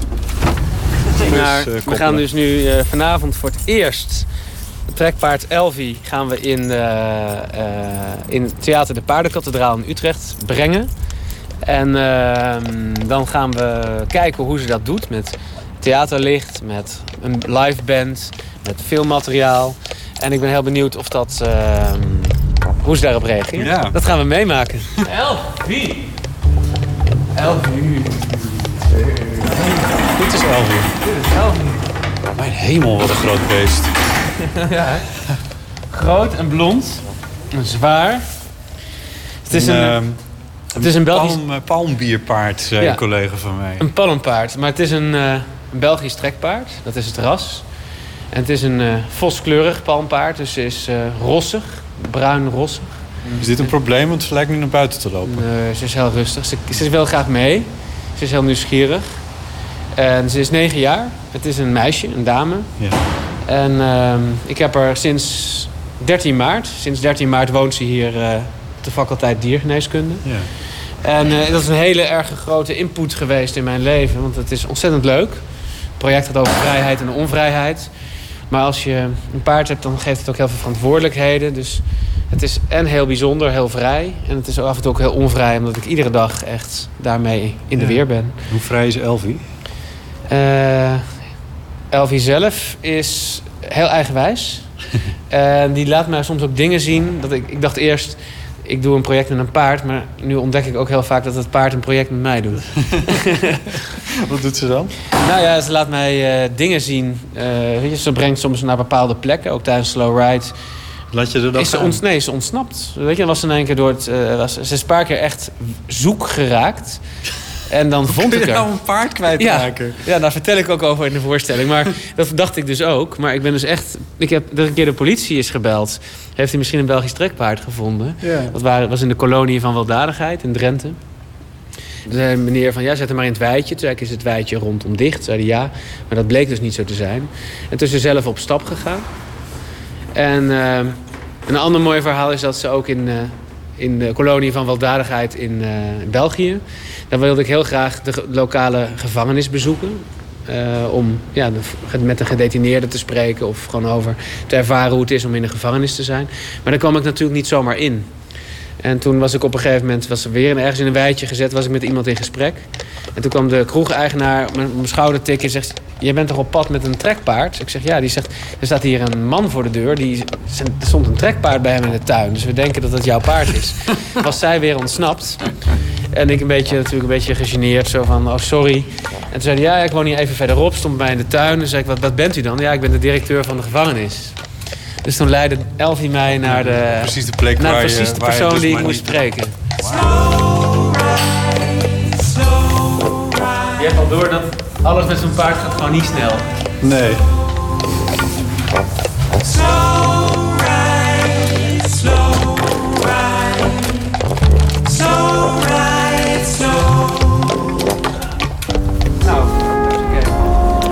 Mij kunnen we rijden. We zijn eh, geladen. Het, de familie zit in de auto. Let's go. Yes.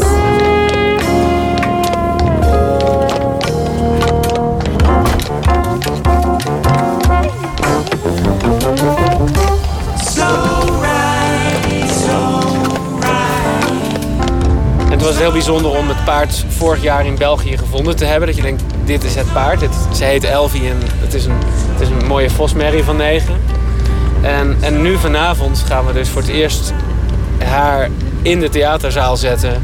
Met licht, met geluid, met, met de band. Kortom, Eh, dit is de realisatie van de droom die je oorspronkelijk had. ja, en ik eh, ben heel benieuwd. Ik vind het heel een memorabel moment om dat voor het eerst vanavond te proberen. En ik hoop niet dat ze alle muren van het theater gaat raken. Maar dat gaan we voorzichtigjes aan eh eens oefenen. Ja,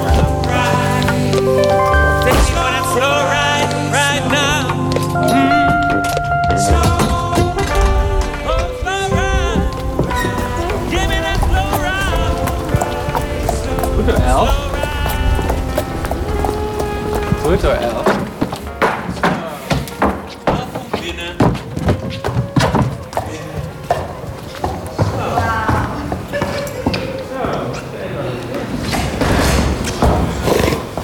Zo, Elf, je hebt heel veel paarden gelopen. Dat is de rust zelf, hè? Enorm. Ja, sterker nog, er werd ook, veel ook een soort rust bij mij binnen en bij wat ik hier voel. En eh, heel nieuwsgierig en kijken, zoals ik er ook ken. En eh, we hebben nu het uh, hooiruif neergezet. En een hele grote... Het is ook Sinterklaastijd, een grote winterpeen. en, ze begint gewoon, en ze begint gewoon rustig aan die winterpeen te knagen. En, eh, en, en, en, en hooi te eten. Dus dat... eh, En er is iemand heel erg jaloers. Dat is Dax, de tackle, mijn eh, hond. Die is altijd... eh, doe Dax er maar bij. Laten we maar gewoon... eh, Super jaloers. ja, hey. Dax. Kijk, Elfie is Nou erop. heb je mij wel een keer verteld over je vorige project, Trekhaak gezocht, dat Dax, jouw tackle, Ja. werkte als een breekijzer Ja. voor alles wat je met mensen wilde bespreken. ja, klopt. Is dat met Elfie ook het geval? Ja, net, is, het het is een hele grote magneet. Weet je, we stonden op een gegeven moment eh, in België eh, voor de gevangenis. En daar waren allemaal bezoekers die dus eh, vrienden van gedetineerden of eh, familieleden van gedetineerden. En toen stond ik daar voor de, voor de gevangenis en die kwamen allemaal naar buiten om te kijken naar Elvie. En toen ehm, ja, toen had ik, dat was een heel mooi aanknopingspunt dat ze het paard kwamen aaien en dan een mooie gelegenheid hadden om met ze in gesprek te raken. Ja. Maar is dat ook de reden? Want je, je stelt mensen best wel uh, grote vragen. Van, tenminste, ik vind de vraag: wat betekent vrijheid voor jou? Dat is toch een best grote vraag. Ja. Daar heeft iemand ook niet per se een antwoord op. Helpt zo'n dier daar dan bij om, om zo'n vraag te kunnen stellen aan iemand anders? Ja, want het heeft iets. Uh, iets niet alledaags. Dus je, je creëert eigenlijk een context die, uh, die, die uitzonderlijk is. Uh, in ieder geval in mijn wereld. maar, uh, en inmiddels is het voor mij wel gewoonlijk geworden. Maar als je dus net buiten die context, de dagelijkse context, zo'n vraag stelt... Dan, dan, dan doet iets met de ontmoeting en dus ook met de mensen. En, en zij doet heel veel met mij. Ik bedoel, ja de, de wisselwerking van haar op mij, en et cetera. Dus dat, is ook, uh, dat doet ook wat. Maar inderdaad, we creëren uh, een, een niet alledaagse context.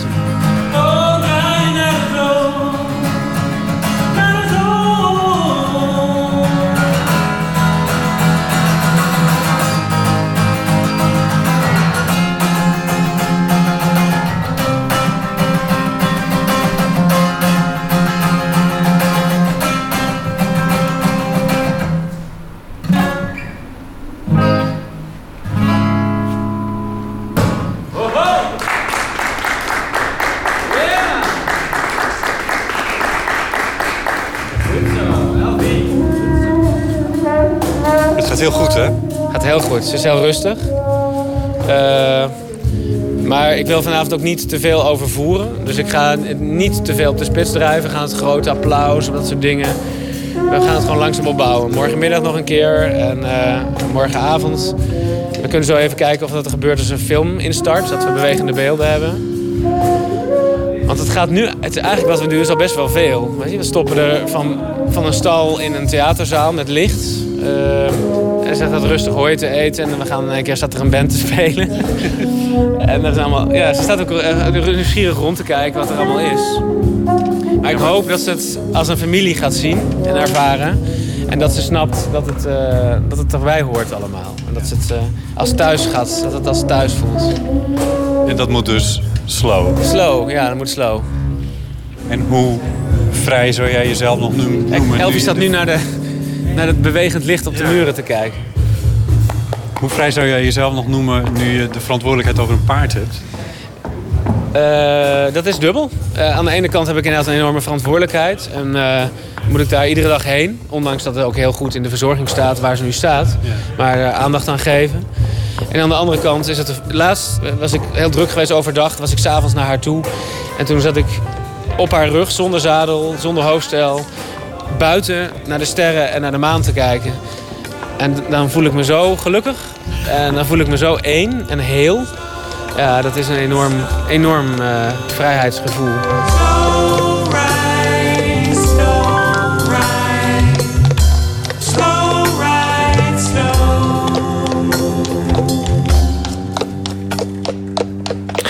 Tjerk Ridder en zijn Belgisch trekpaard Elfie. Vanavond traden ze ook uh, voor het eerst samen op. En dat was achter de paardenkathedraal in Utrecht. Hoe kan het ook anders? Komende dagen speelt hij daar een slow ride. En daarna gaat hij op tournee door het hele land. Met paard en al op het podium als het goed gaat. De Britten Josephine van der Gucht en Anthony West vormen samen een duo. Oh Wonder. Een paar weken geleden een uh, fijne titelloze popplaat uitgebracht. Waarvan wij draaien een stuk met de titel Without You.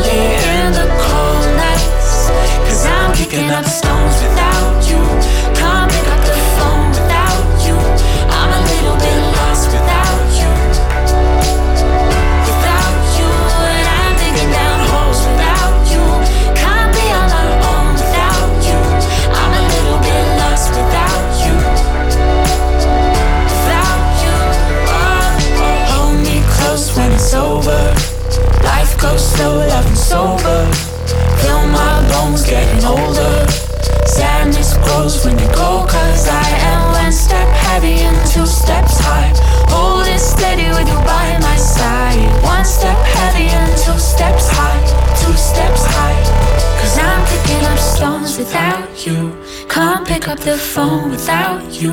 I'm a little bit lost without you. And I'm digging down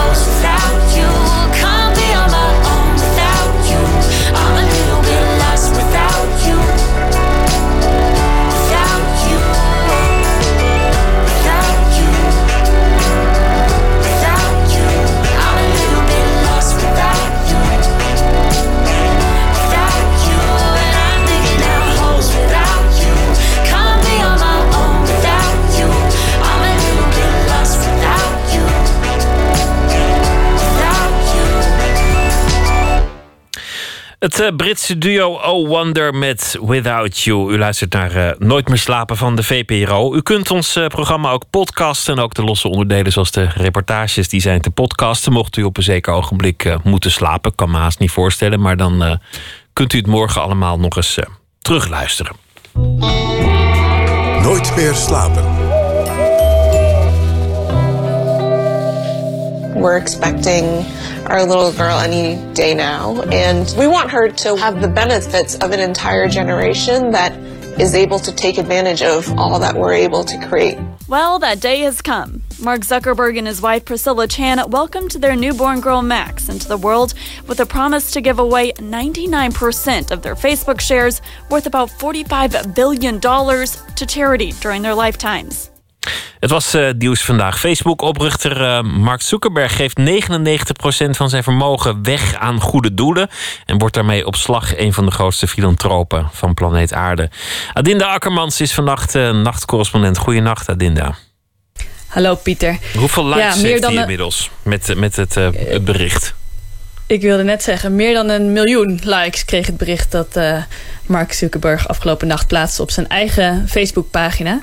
Nou, dat zijn een heleboel likes. Maar dat, dat is natuurlijk ook een heel dure mededeling. Eh, dat is een hele dure mededeling. Ik wou nog even vertellen dat er een hele leuke, schattige foto bij stond van zijn vrouw, eh, van hemzelf en in zijn armen. Dochtertje Max, dat net geboren is. En, en daaronder dus een brief aan dit, aan dit meisje. En in die brief schrijft hij eh, zinnen als: Je moeder en ik zoeken naar woorden voor de hoop die jij ons geeft voor de toekomst. Technische vooruitgang op alle vlakken zorgt ervoor dat jouw leven drastisch beter kan worden dan ons leven. En we doen ons best om dat mogelijk te maken. Niet alleen maar door van je te houden, maar ook omdat we een morele verantwoordelijkheid voelen ten opzichte van jouw generatie. En die morele verantwoordelijkheid die, die hij voelt, die leidt vervolgens toe dat hij eh, belooft 99% van zijn aandelen te schenken aan, eh, aan die goede doelen. En dat is heel veel, want op dit moment zijn die aandelen zo'n eh, 42 miljard euro waard.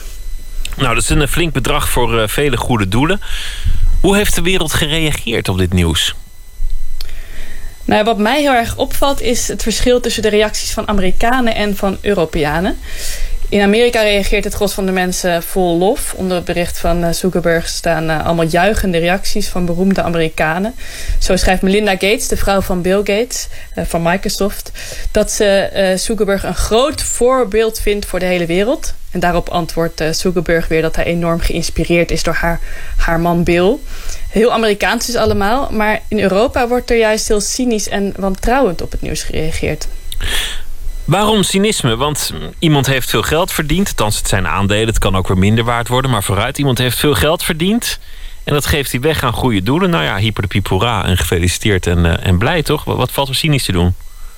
Ja, dat zou je denken. Maar uh, er wordt bijvoorbeeld gezegd van in die brief schrijft Zuckerberg uh, dat hij geld wil besteden aan het samenbrengen van mensen, aan sterke gemeenschappen, internettoegang voor iedereen al heel mooi allemaal. Maar het zijn ook allemaal onderwerpen waar Facebook als netwerksite uh, belang bij heeft om nog machtiger te, machtiger te kunnen worden. En uh, nou ja, wij Nederlanders vinden dat maar niks als uh, iemand er zelf ook beter van wordt van zo'n gulle gift. In Amerika is het veel geaccepteerd dat, dat een bedrijf en veel geld verdient en intussen ook nog uh, goede bedoelingen kan hebben. Zo werd mij verteld door Eva de Valk. Zij is schrijver van het uh, boek Silicon Valley, de plaats in Amerika waar de Googles en de Facebooks allemaal uh, ontstaan zijn. Het thuishonk van de internetondernemers, zeg maar. En ik vroeg haar hoe ze dat grote cultuurverschil verklaart. In de VS, um, vooral in Silicon Valley, is er heel groot geloof in technologie. Dus technologie kan alle problemen oplossen. En daar kan je ook nog heel veel geld mee verdienen. En tegelijkertijd mensen mee helpen. Dus dat is een soort win-win situatie. Dus je kan en heel rijk worden en mensen uh, verder helpen. Dat zie je heel sterk bij Facebook en ook bij Google en andere bedrijven. En dat, ja, dat geloof in technologie, dat, dat, is, dat is daar gewoon vrij extreem. En dat, dat hebben we hier niet zo. En sowieso in Amerika um, is er veel minder een taboe op geld verdienen. En um, is er ook veel minder wantrouwen naar bedrijven toe. Uh, ik las ook dat uh, Zuckerberg met deze gift uh, probeert onder de belasting uit te komen. Hoe, hoe zie je dat? Ja, dat klopt. Want als je een vermogen schenkt aan een stichting, hoef je daar geen belasting meer over te betalen. Dus terwijl Zuckerberg tegelijkertijd wel bepaalt waar het geld naartoe gaat, want hij blijft eigenaar van de stichting. Uh, en ook over dat belasting ontduiken, daar zijn wij Nederlanders veel kritischer op dan de Amerikanen. Want als je in Amerika veel geld uh, onderbrengt in bepaalde stichtingen om iets goeds te kunnen doen en op die manier ook minder belasting betaalt, wordt dat niet gezien als iets fouts. Onder het mom van je kunt toch veel beter zelf bepalen wat je met je geld doet dan dat de overheid dat voor je doet. In Nederland vinden we het uh, nog altijd logisch dat alleen de overheid collectieve doelen nastreeft. Zijn het eigenlijk de, de, de nerds, de bazen van computer- en internetbedrijven, van wie we het moeten hebben? Want ik zag ook foto's in de krant gisteren van uh, de, de grootste nerds ter wereld die de, de handen ineen hebben geslagen om het klimaat te redden. Moeten ja. we het van de, van de internetbazen hebben? Ja, ja dat, is inderdaad zo. En, en, volgens Eva de Valk kunnen die bedrijven uh, ja, echt een enorme invloed hebben. Als je kijkt naar Facebook, daar zitten meer dan een miljard mensen op inmiddels. Dat is meer dan welk land dan ook. En als je kijkt naar politiek, dan is dat toch altijd op een land gebaseerd. En zij kunnen dus mensen bereiken over grenzen heen. Als, als je kijkt naar Facebook of naar Google bijvoorbeeld. Het interessante is dat het, dat het veel macht is, veel geld, uh, veel daadkracht, maar wel afhankelijk van de voorkeuren van een paar ondernemers waar het naartoe gaat. Ja, dat is, dat is zeker wel een risico. De motieven van die ondernemers schijnen meestal wel oké te zijn. Dat kan je natuurlijk nooit helemaal weten. Maar ze zijn uh, heel jong, enorm rijk geworden. Kochten een paar huizen, een paar auto's. Maar ja, wat moet je daarna nog? Het zit niet in de cultuur om dan uh, de rest van je leven vakantie te vieren. Dus, uh, dus gaan ze de wereld verbeteren door aan goede doelen te schenken en te investeren in jonge start-ups. Maar ja, het probleem is inderdaad wel dat die jongens heel veel macht naar zich toe trekken, terwijl ze niet democratisch gekozen zijn. Uh, nou ja, en, en die investeringen gaan trouwens ook niet altijd goed. Want uh, Zuckerberg heeft eerder 100 miljoen dollar geschonken om onderwijskwaliteit te verbeteren in een Amerikaans stadje. En dat, nou, dat schijnt heel erg mislukt te zijn. Dat ze na vier jaar konden de leerlingen nog steeds niet beter lezen of schrijven. Ik denk dat ze in Amerika meer dan in Europa ook een traditie hebben met, met grote filantropen. Mensen die onnoemelijk rijk worden, maar ook onnoemelijk veel teruggeven aan de samenleving. Hoe, hoe uitzonderlijk is Zuckerberg eigenlijk als je het zo ziet? Ja, dat, dat is inderdaad wel zo. Want uh, het bedrag wat hij nu belooft te schenken, dat is heel hoog. Maar die traditie is, heel, is er inderdaad. Uh, juist omdat, uh, omdat Amerikanen minder belasting betalen dan in Europa... voelen ze meer verantwoordelijkheid iets te doen voor de maatschappij. Denk bijvoorbeeld aan Bill Gates, die eerder al 50% van zijn vermogen zei te schenken. Uh, en inderdaad, die, uh, tijdens die klimaattop uh, afgelopen week beloofde een groep ondernemers, onder wie ook Mark Zuckerberg en Bill Gates, dat ze miljarden steken in onderzoek naar duurzame, duurzame energie. Hoe zit dat inmiddels in Nederland? Want we hebben wel filantropen, maar echt, echt van deze orde van grootte volgens mij niet. Ze zijn er wel, maar betrouwbare cijfers daarover zijn best wel lastig te vinden. Het tijdschrift voor sociale vraagstukken publiceerde wel een lijst van de grootste filantropen van Nederland. Op nummer 1 daarin stond de familie van Vliet. Ze zijn uh, steenrijk geworden met uh, hun hedgefund uh, Transcend. En doneerden zo'n 16,4 miljoen euro aan een goed doel. ook in dat lijstje de familie Brenningmeijer van kledingketen CNA. Ze gaven miljoenen aan een goed doel, maar precies, het, het, precieze bedrag weten we niet. En ook het doel is onbekend. En ook TomTom-oprichter Pieter Gele schijnt heel veel geschonken te hebben. Maar hij wil er niet over praten. Nou, misschien staat er wel een Nederlands Zuckerberg op op een dag. Dat zou wel mooi zijn, ja. ja ik, ik, ik dacht zelf heel even aan uh, Boris Veldhuizen van Santen. Dus uh, die heb ik even gebeld. Uh, hij heeft heel veel geld verdiend met internetbedrijfjes... en is nu eigenaar van het wereldwijde technologieblog The Next Web. Ik vroeg hem of hij diezelfde verantwoordelijkheid voelt als Zuckerberg. En hij antwoordde dat hij wel wat aan goede doelen geeft... maar wilde ook niet precies vertellen hoeveel en waaraan. Bovendien ziet hij het, uh, zit het meeste geld van hem nog in het uh, bedrijf wat hij heeft. En is hij alleen op papier miljonair. Maar wat hij wel heel goed snapt van Zuckerberg... is dat hij niet wil dat zijn kinderen alles erven. Je hebt een andere rijke Amerikaanse man die zei... je moet je kinderen zoveel geven dat ze iets kunnen doen... maar nooit zoveel geven dat ze niets meer hoeven doen. En ik denk dat dat een heel uh, verstandig uh, uitgangspunt is. Uh, en ik denk ook dat het geld is ontzettend aantrekkelijk als je het zelf hebt verdiend. Maar eigenlijk alleen maar verlammend als je het krijgt van iemand anders. Dus ik heb ook met mijn kinderen wel... ik ben niet zo rijk als Mark Zuckerberg, maar ja, ik heb wel een goed lopend bedrijf. En, maar mijn kinderen dat wel altijd uitgelegd. Gezegd, uh, ga er maar gewoon vanuit dat wij arm sterven. En uh, dat, je, je, wil je eigen leven opbouwen. En daar hoort, hoort ook bij je eigen geld verdienen. En dat is niet een... Uh, dat is niet gemeen of zo, maar dat is gewoon een soort instelling waardoor zij ook denken van, oh ja, dat is een leuke uitdaging. Ik moet mijn eigen leven maken. En dat geld helpt daar eigenlijk niet bij. Een mooi advies. Zorg dat je kinderen niet uh, lui worden door een uh, te grote erfenis. En dan zijn wij in dat opzicht volgens mij ook allebei heel netjes bezig, uh, Adinda.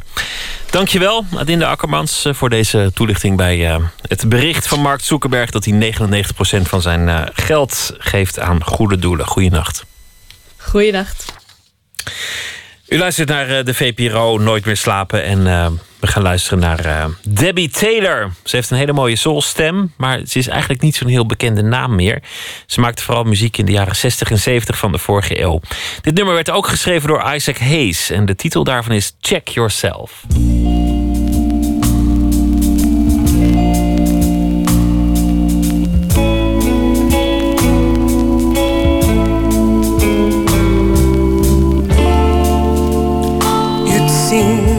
Somewhere.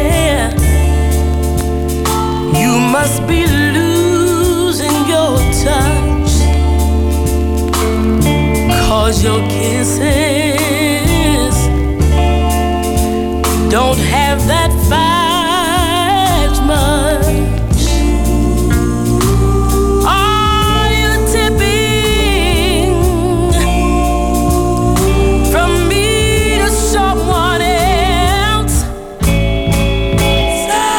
think you better stop right now and check yourself. Mm-hmm. It's not my fault. You've got yourself to blame.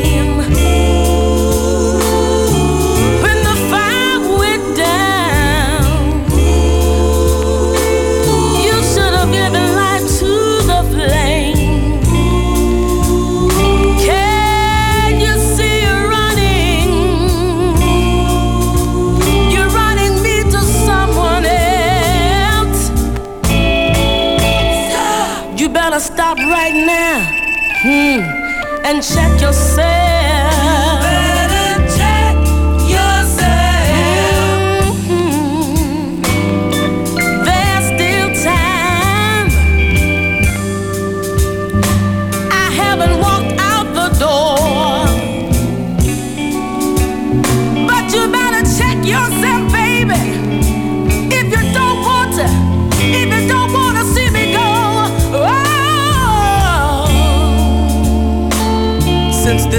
Happening,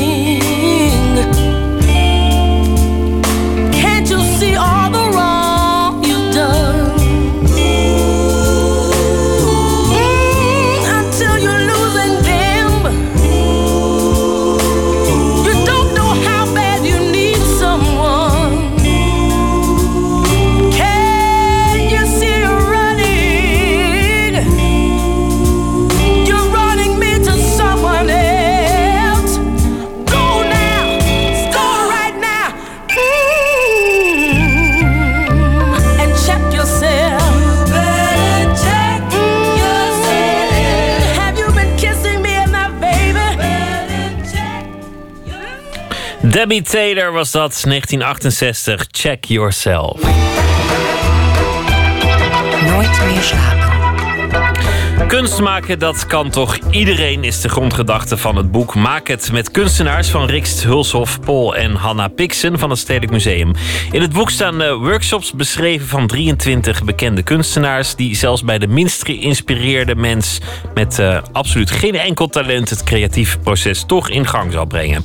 Floortje Smit praat met Hanna Pixen en ze kreeg van kunstenaar Rob van Mierlo een privé-workshop dieren tekenen.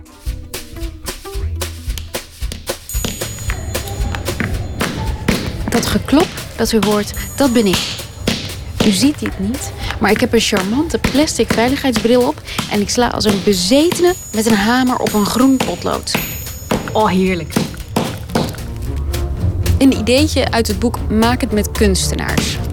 Volgens kunstenaar Rob van Mierlo moet je dieren kunnen tekenen met behulp van een hamer. Daarover later meer.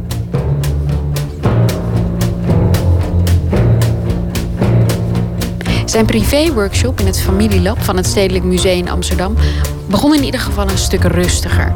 Met een gekleurd stuk krijtrots en een opgezette vogel. Ja, even kijken. Volgens mij is dit een eh, parelhoen. Maar dan een helmparelhoen. Of wat was dit? Maakt niet uit. Het is in ieder geval een hele mooie vogel. Je kan hier een plank pakken en een eh, vel papier en daar een eh, grote krijtrots. En dan kun je gaan tekenen. Nou, ik kijk sowieso naar de buitenlijnen. Ja, naar de houding kijk ik heel erg. Ja, en verder naar de textuur. Maar eigenlijk eh, met deze krijtrots eh, blijft er weinig van de textuur over als je aan het tekenen bent. Het zijn hele onhandige tekenmaterialen. Dus eigenlijk is het de bedoeling dat niemand er perfect mee kan tekenen. En waarom is dat de bedoeling? Nou ja, als ik zelf eh, teken of schilder, dan heb ik heel vaak dat ik niet helemaal controle heb over hoe het eruit komt te zien. En eigenlijk hebben de. Ja, ik schilder veel op nat papier en dan gaat het alle kanten op. En dan uiteindelijk wat eruit komt, komt eruit. En hier hebben we geprobeerd op een andere manier ook te zoeken naar iets waarover je minder controle hebt over de uitkomst van de tekening. En toen zijn we eigenlijk op die rots uitgekomen. In de hoop dat mensen gewoon gaan tekenen en loslaten dat het een perfect beeld moet worden. Mensen maar gewoon aan het werk zetten. Dat is het doel van het boek Maak het met kunstenaars. Modeontwerpers Victor en Rolf die leren je bijvoorbeeld hoe je een maatpak maakt uit een vuilniszak. Marcel Wanders legt uit hoe je kunst maakt in één minuut. Het boek is samengesteld door Rikst Hulshof Pol en Hanna Pixen van het Stedelijk Museum in Amsterdam. Het is een kunstdoelboek. Dus ehm, er staan 23 workshops in door kunstenaars. eh, die, waar wij al eerder mee hebben gewerkt. Of die een speciale band hebben met het stedelijk. En het zijn hele uiteenlopende workshops. Sommige zijn heel praktisch. ehm, maak, ehm, maak van een lege plastic fles een bootje. En sommige zijn heel filosofisch. Maak een ding wat niet echt een ding is. Of maak iets uit de toekomst. Ehm, het is allemaal, allemaal opdrachten om je eigen creativiteit een boost te geven. Waarom wilden jullie een kunstdoelboek? Ja, dat komt voort uit de workshops. We organiseren al 15 jaar elke week een workshop met een kunstenaar. En we merkten dat het zoveel moois opleverde. Maar het was maar voor 15 deelnemers per keer. En we dachten, hoe kunnen we dat nou voor meer mensen beschikbaar maken? Voor alle leeftijden. En toen dachten we natuurlijk een boek. Dus vandaar. Maar wat levert het op? Het levert op dat je uh, allemaal handvatten hebt om zelf aan de slag te gaan. Uh, zonder dat je vast hoeft te zitten in, oh, maar het moet heel mooi worden of alles moet kloppen of ik moet precies de instructies opvolgen. Eigenlijk roepen we op tot het laten inzakken van je pudding. Ga er gewoon voor, gebruik je fouten. En um, je bent dus eigenlijk veel creatiever dan je dacht. Anarchie eigenlijk. Nou, dat mag best wel, ja. Anarchie, moeilijk. U moet weten, ergens is het fout gegaan tussen mij en de tekenkunst. En ik weet ook precies waarom. Het potlood wilde niet meer doen wat ik wilde. De lijn die ik in mijn hoofd had, kwam nooit meer zo op papier. En dat is gekmakend voor een perfectionist. Tape je potlood vast aan het uiteinde van de stok. En nu is het de bedoeling dat ik met deze bamboestok, met dat potloodje daaraan, dus die vogel na ga tekenen. Ja. Het begin is er, toch? Ja, ja en ik vind het echt mooi. Ik vind het vaak heel, zelf heel moeilijk om te beginnen. dus ik heb, ook al, ook al is het mijn werk, min of meer... heb ik zelf ook een enorme drempel om te beginnen. Het, het lege witte vel, echt? Ja, het lege witte vel en sowieso überhaupt aan een opdracht beginnen. Ik kan altijd heel lang ergens tegenaan hikken. En, voor, en als ik dan bezig ben, dan denk ik iedere keer... shit man, ik had uh, veel eerder moeten beginnen. Want het is echt leuk om te doen. Terwijl de vogel tekenen. Ik vind het heel moeilijk dat het dus gewoon nooit wordt wat ik wil. Nee, maar wat in het leven wordt wel zoals je wil. Nou, lijkt nog beter dan de eerste. heel het idee eigenlijk ook achter die tekenoefeningen is dat je misschien niet perfecte controle nodig hebt om een mooie tekening te maken. Nou, we hebben uh, hier in het uh, museum ook ruimtes waar je zelf uh, dingen kan maken. En een van de meest gehoorde uitspraken is: Ik kan niet tekenen. Of ik ben niet creatief. En het is gewoon niet waar, want iedereen is creatief. Alleen heb je even een duwtje in de rug nodig en moet je even doorhebben: Oh, ik ja, ik moet gewoon beginnen. En dan blijkt er van alles te kunnen. We hebben gewoon een lijst met benodigdheden en je hebt een stappenplan. En vervolgens vaak een oproep van de kunstenaar, maar het mag ook helemaal anders. Maar je hebt wel net die start nodig, inderdaad. Is het onderschat, knutselen? Ja, wij noemen het niet eens ook knutselen. Want dat, dat woord heeft al iets heel tuttigs. Of iets van, oh, dat is voor kinderen. Maar ik denk wel dat zelf iets ja, creatiefs doen... dat dat wel veel meer gedaan mag worden. En dat het ook nodig is nu. In deze maatschappij heb je juist je creativiteit nodig. Op wat voor manier dan ook. Waarom? Omdat we nu heel inventief moeten zijn, oplossingen moeten verzinnen. En creativiteit zit er niet alleen in een mooie bloem kunnen schilderen, maar ook, uh, ja, je staat voor een probleem, hoe los je dat op? En uh, dus ja, ik denk dat dat in deze, in deze tijd echt alleen maar van pas kan komen. Oké, okay, nou dan komen we bij de leukste opdracht uit het boek. Nee, niet uit het boek, weet ik trouwens niet, maar, maar van mij uit het boek. Zetten we de veiligheidsbril op. Alleen om uh, schadeclaims te voorkomen. Leg hem aan een plankje onder en dan mag je met uh, we hebben een hamer en een potlood. Mag je met de hamer het potlood kapot slaan. Deze, deze hamer? En dan mag ik gewoon ja. slaan. Ja.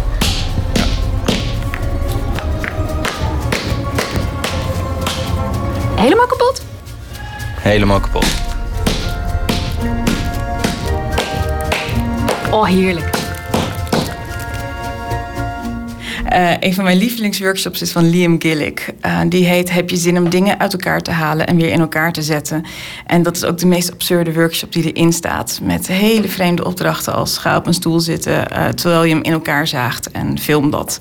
Um, en ik ben gewoon heel benieuwd wat dat gaat opleveren. En het leuke is dat dat dus naast workshop staat die veel, veel meer praktisch zijn. Dus ik ben gewoon heel benieuwd hoe mensen het gaan gebruiken. Het grappige was, ik, ik, las het boek door en ik dacht, het is ook een hele erge uh, andere manier om naar de kunstenaar en zijn kunst te kijken als je het zelf toepast.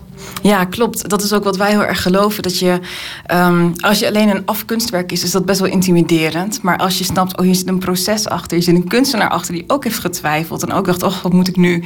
En dit laat dus eigenlijk zien wat voor stappen je kunt zetten. En, en geeft echt vanuit rechtstreeks vanuit die kunstenaar jouw handvatten en adviezen om uh, zelf iets creatiefs te doen. Dus dat, uh, dat is wel een soort doel van dit boek ook. Om de kunst toegankelijk te maken. Nou, teken nu nog een keer je vogel. Dat is eigenlijk de opdracht. Ik, ik heb hem wel echt finaal kapot geslagen. Dus ik heb niet heel veel meer over. Maar dit is een soort, ja, ik denk, nou, anderhalf centimeter. Een stukje krijt. Je tekent nu al heel anders dan bij je eerste tekening. Heb je dat door? Nee. Ja, veel. Zeker. Ja, zeker een losse. Ik denk rond een, uur, eh, rond een jaar of elf of twaalf dat kinderen opeens beseffen: oh ja, ehm, ik heb eigenlijk heeft een hand vijf vingers, dus oh, dat moet ik ook gaan tekenen. En, en je wordt ook heel erg beïnvloed door de beelden die je om je heen ziet. En eh, ik merk dat jonge kinderen veel vrijer nog tekenen en veel, veel meer uh, überhaupt vrijer, vrijer creëren. En dat uh, oudere kinderen veel meer bezig zijn met um, hoe het klopt. En uh, wat er verwacht wordt en wat mooi is. Waar lopen, waar lopen mensen vooral tegenaan? Is, is dat lef? Um, ja, uh, ik denk onzekerheid. Dat het echt onzekerheid is. En, en het gevoel dat het moet lukken. En anderen, het, het vergelijken met anderen. En uh, terwijl ja, lukken is helemaal niet echt een doel op zich. En, eigenlijk moet het veel meer gaan over het proces dan over het eindproduct. Ja, ik zeg klaar. Het lijkt oh, in de verste verte niet op een parelhoen, maar ik vind hem wel het leukst. Ja, ik ben het ermee eens.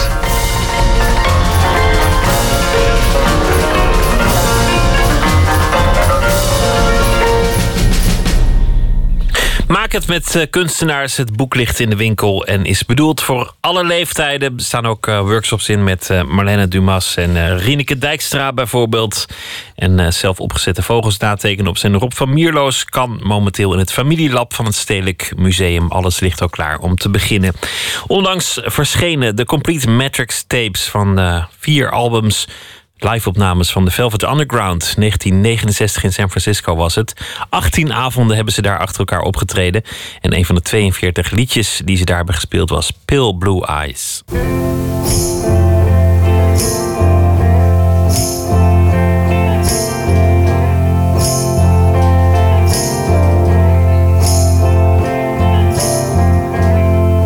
Sometimes feel so heavy And then again, sometimes I feel so sad. Sometimes I feel so happy. But you know, mostly you just make me mad.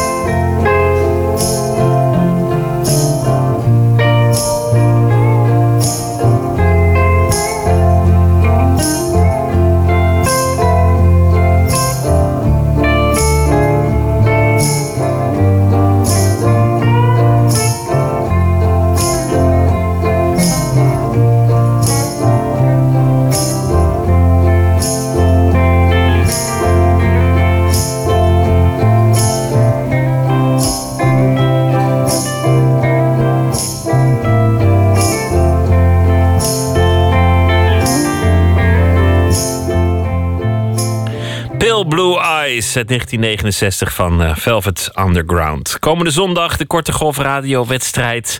Een eh, wedstrijd voor de beste hoorspelen en documentaires op de radio van minder dan drie minuten. Georganiseerd door Grenzeloos Geluid en het Vlaamse In the Dark. En eh, de vijf beste inzendingen, want die zijn al geselecteerd, hoort u deze week. Vannacht is dat De Aardappeleters en De Ontdekking van de Kaassoufflé. Gemaakt door Lotte van Galen. De kaassoufflé lag daar glanzen. En het zag er gewoon wat aantrekkelijker uit dan zeg maar zo'n droog boterham. Het kwam in de soort van in de buurt van een warme maaltijd. En toen at ik dat en dat vond ik echt heel lekker. Ik kwam eh, naar Nederland toen ik bijna 18 werd. En ik kwam hier om te studeren. En het was heel moeilijk om afscheid te nemen van mijn ouders. Maar aan de andere kant was ik niet volwassen genoeg om te beseffen hoe moeilijk het was. Wat ik merkte vooral is dat ze met heel weinig eh, konden overleven. Iemand die zei tegen mij: Ik eet twee boterhammen ochtends, eh, drie boterhammen middags en warm s'avonds. Dat ik dacht dat jij nog leeft. Ja, ik voelde me gewoon constant iemand die heel erg veel at. Ik was sowieso overbewust van als ik dan at in de gezelschap van mijn studiegenoten of mijn huisgenoten. Nou, wat heel anders hier is, is dat mensen echt heel erg kijken naar je bord als je eet. Dat is ook iets, zeg maar, onbeleefd in de Libanese cultuur. En dan zeggen ze: Oh, lekker. En dat je denkt van: Oh, wat denken ze ervan? Oh, zo, jij hebt het goed voor elkaar. Oké, wil je het ook wat ik heb? Of nou, dus ik zat dan die kaassoufflé te eten en dan had ik zeg maar het gevoel, het was helemaal niet zo, dat alle ogen op mij waren. Totdat een dag een studiegenoot zei tegen mij: hey, als je dit elke dag blijft eten, word je heel dik van.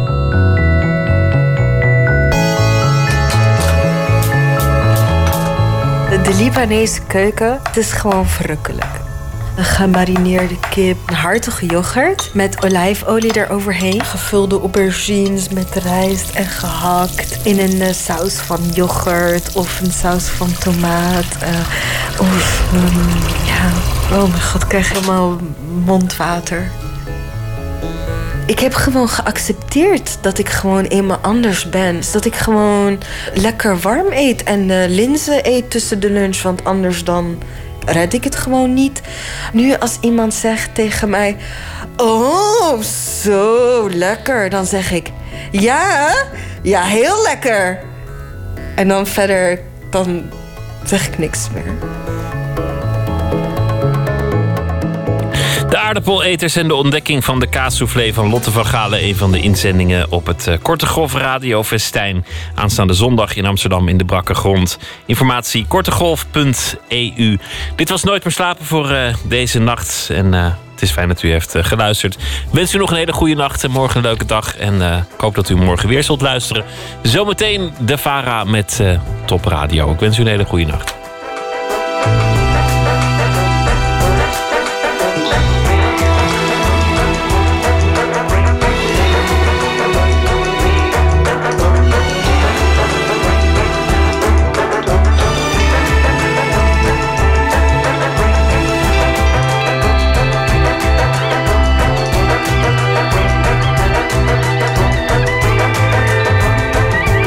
Dit was een programma van de VPRO.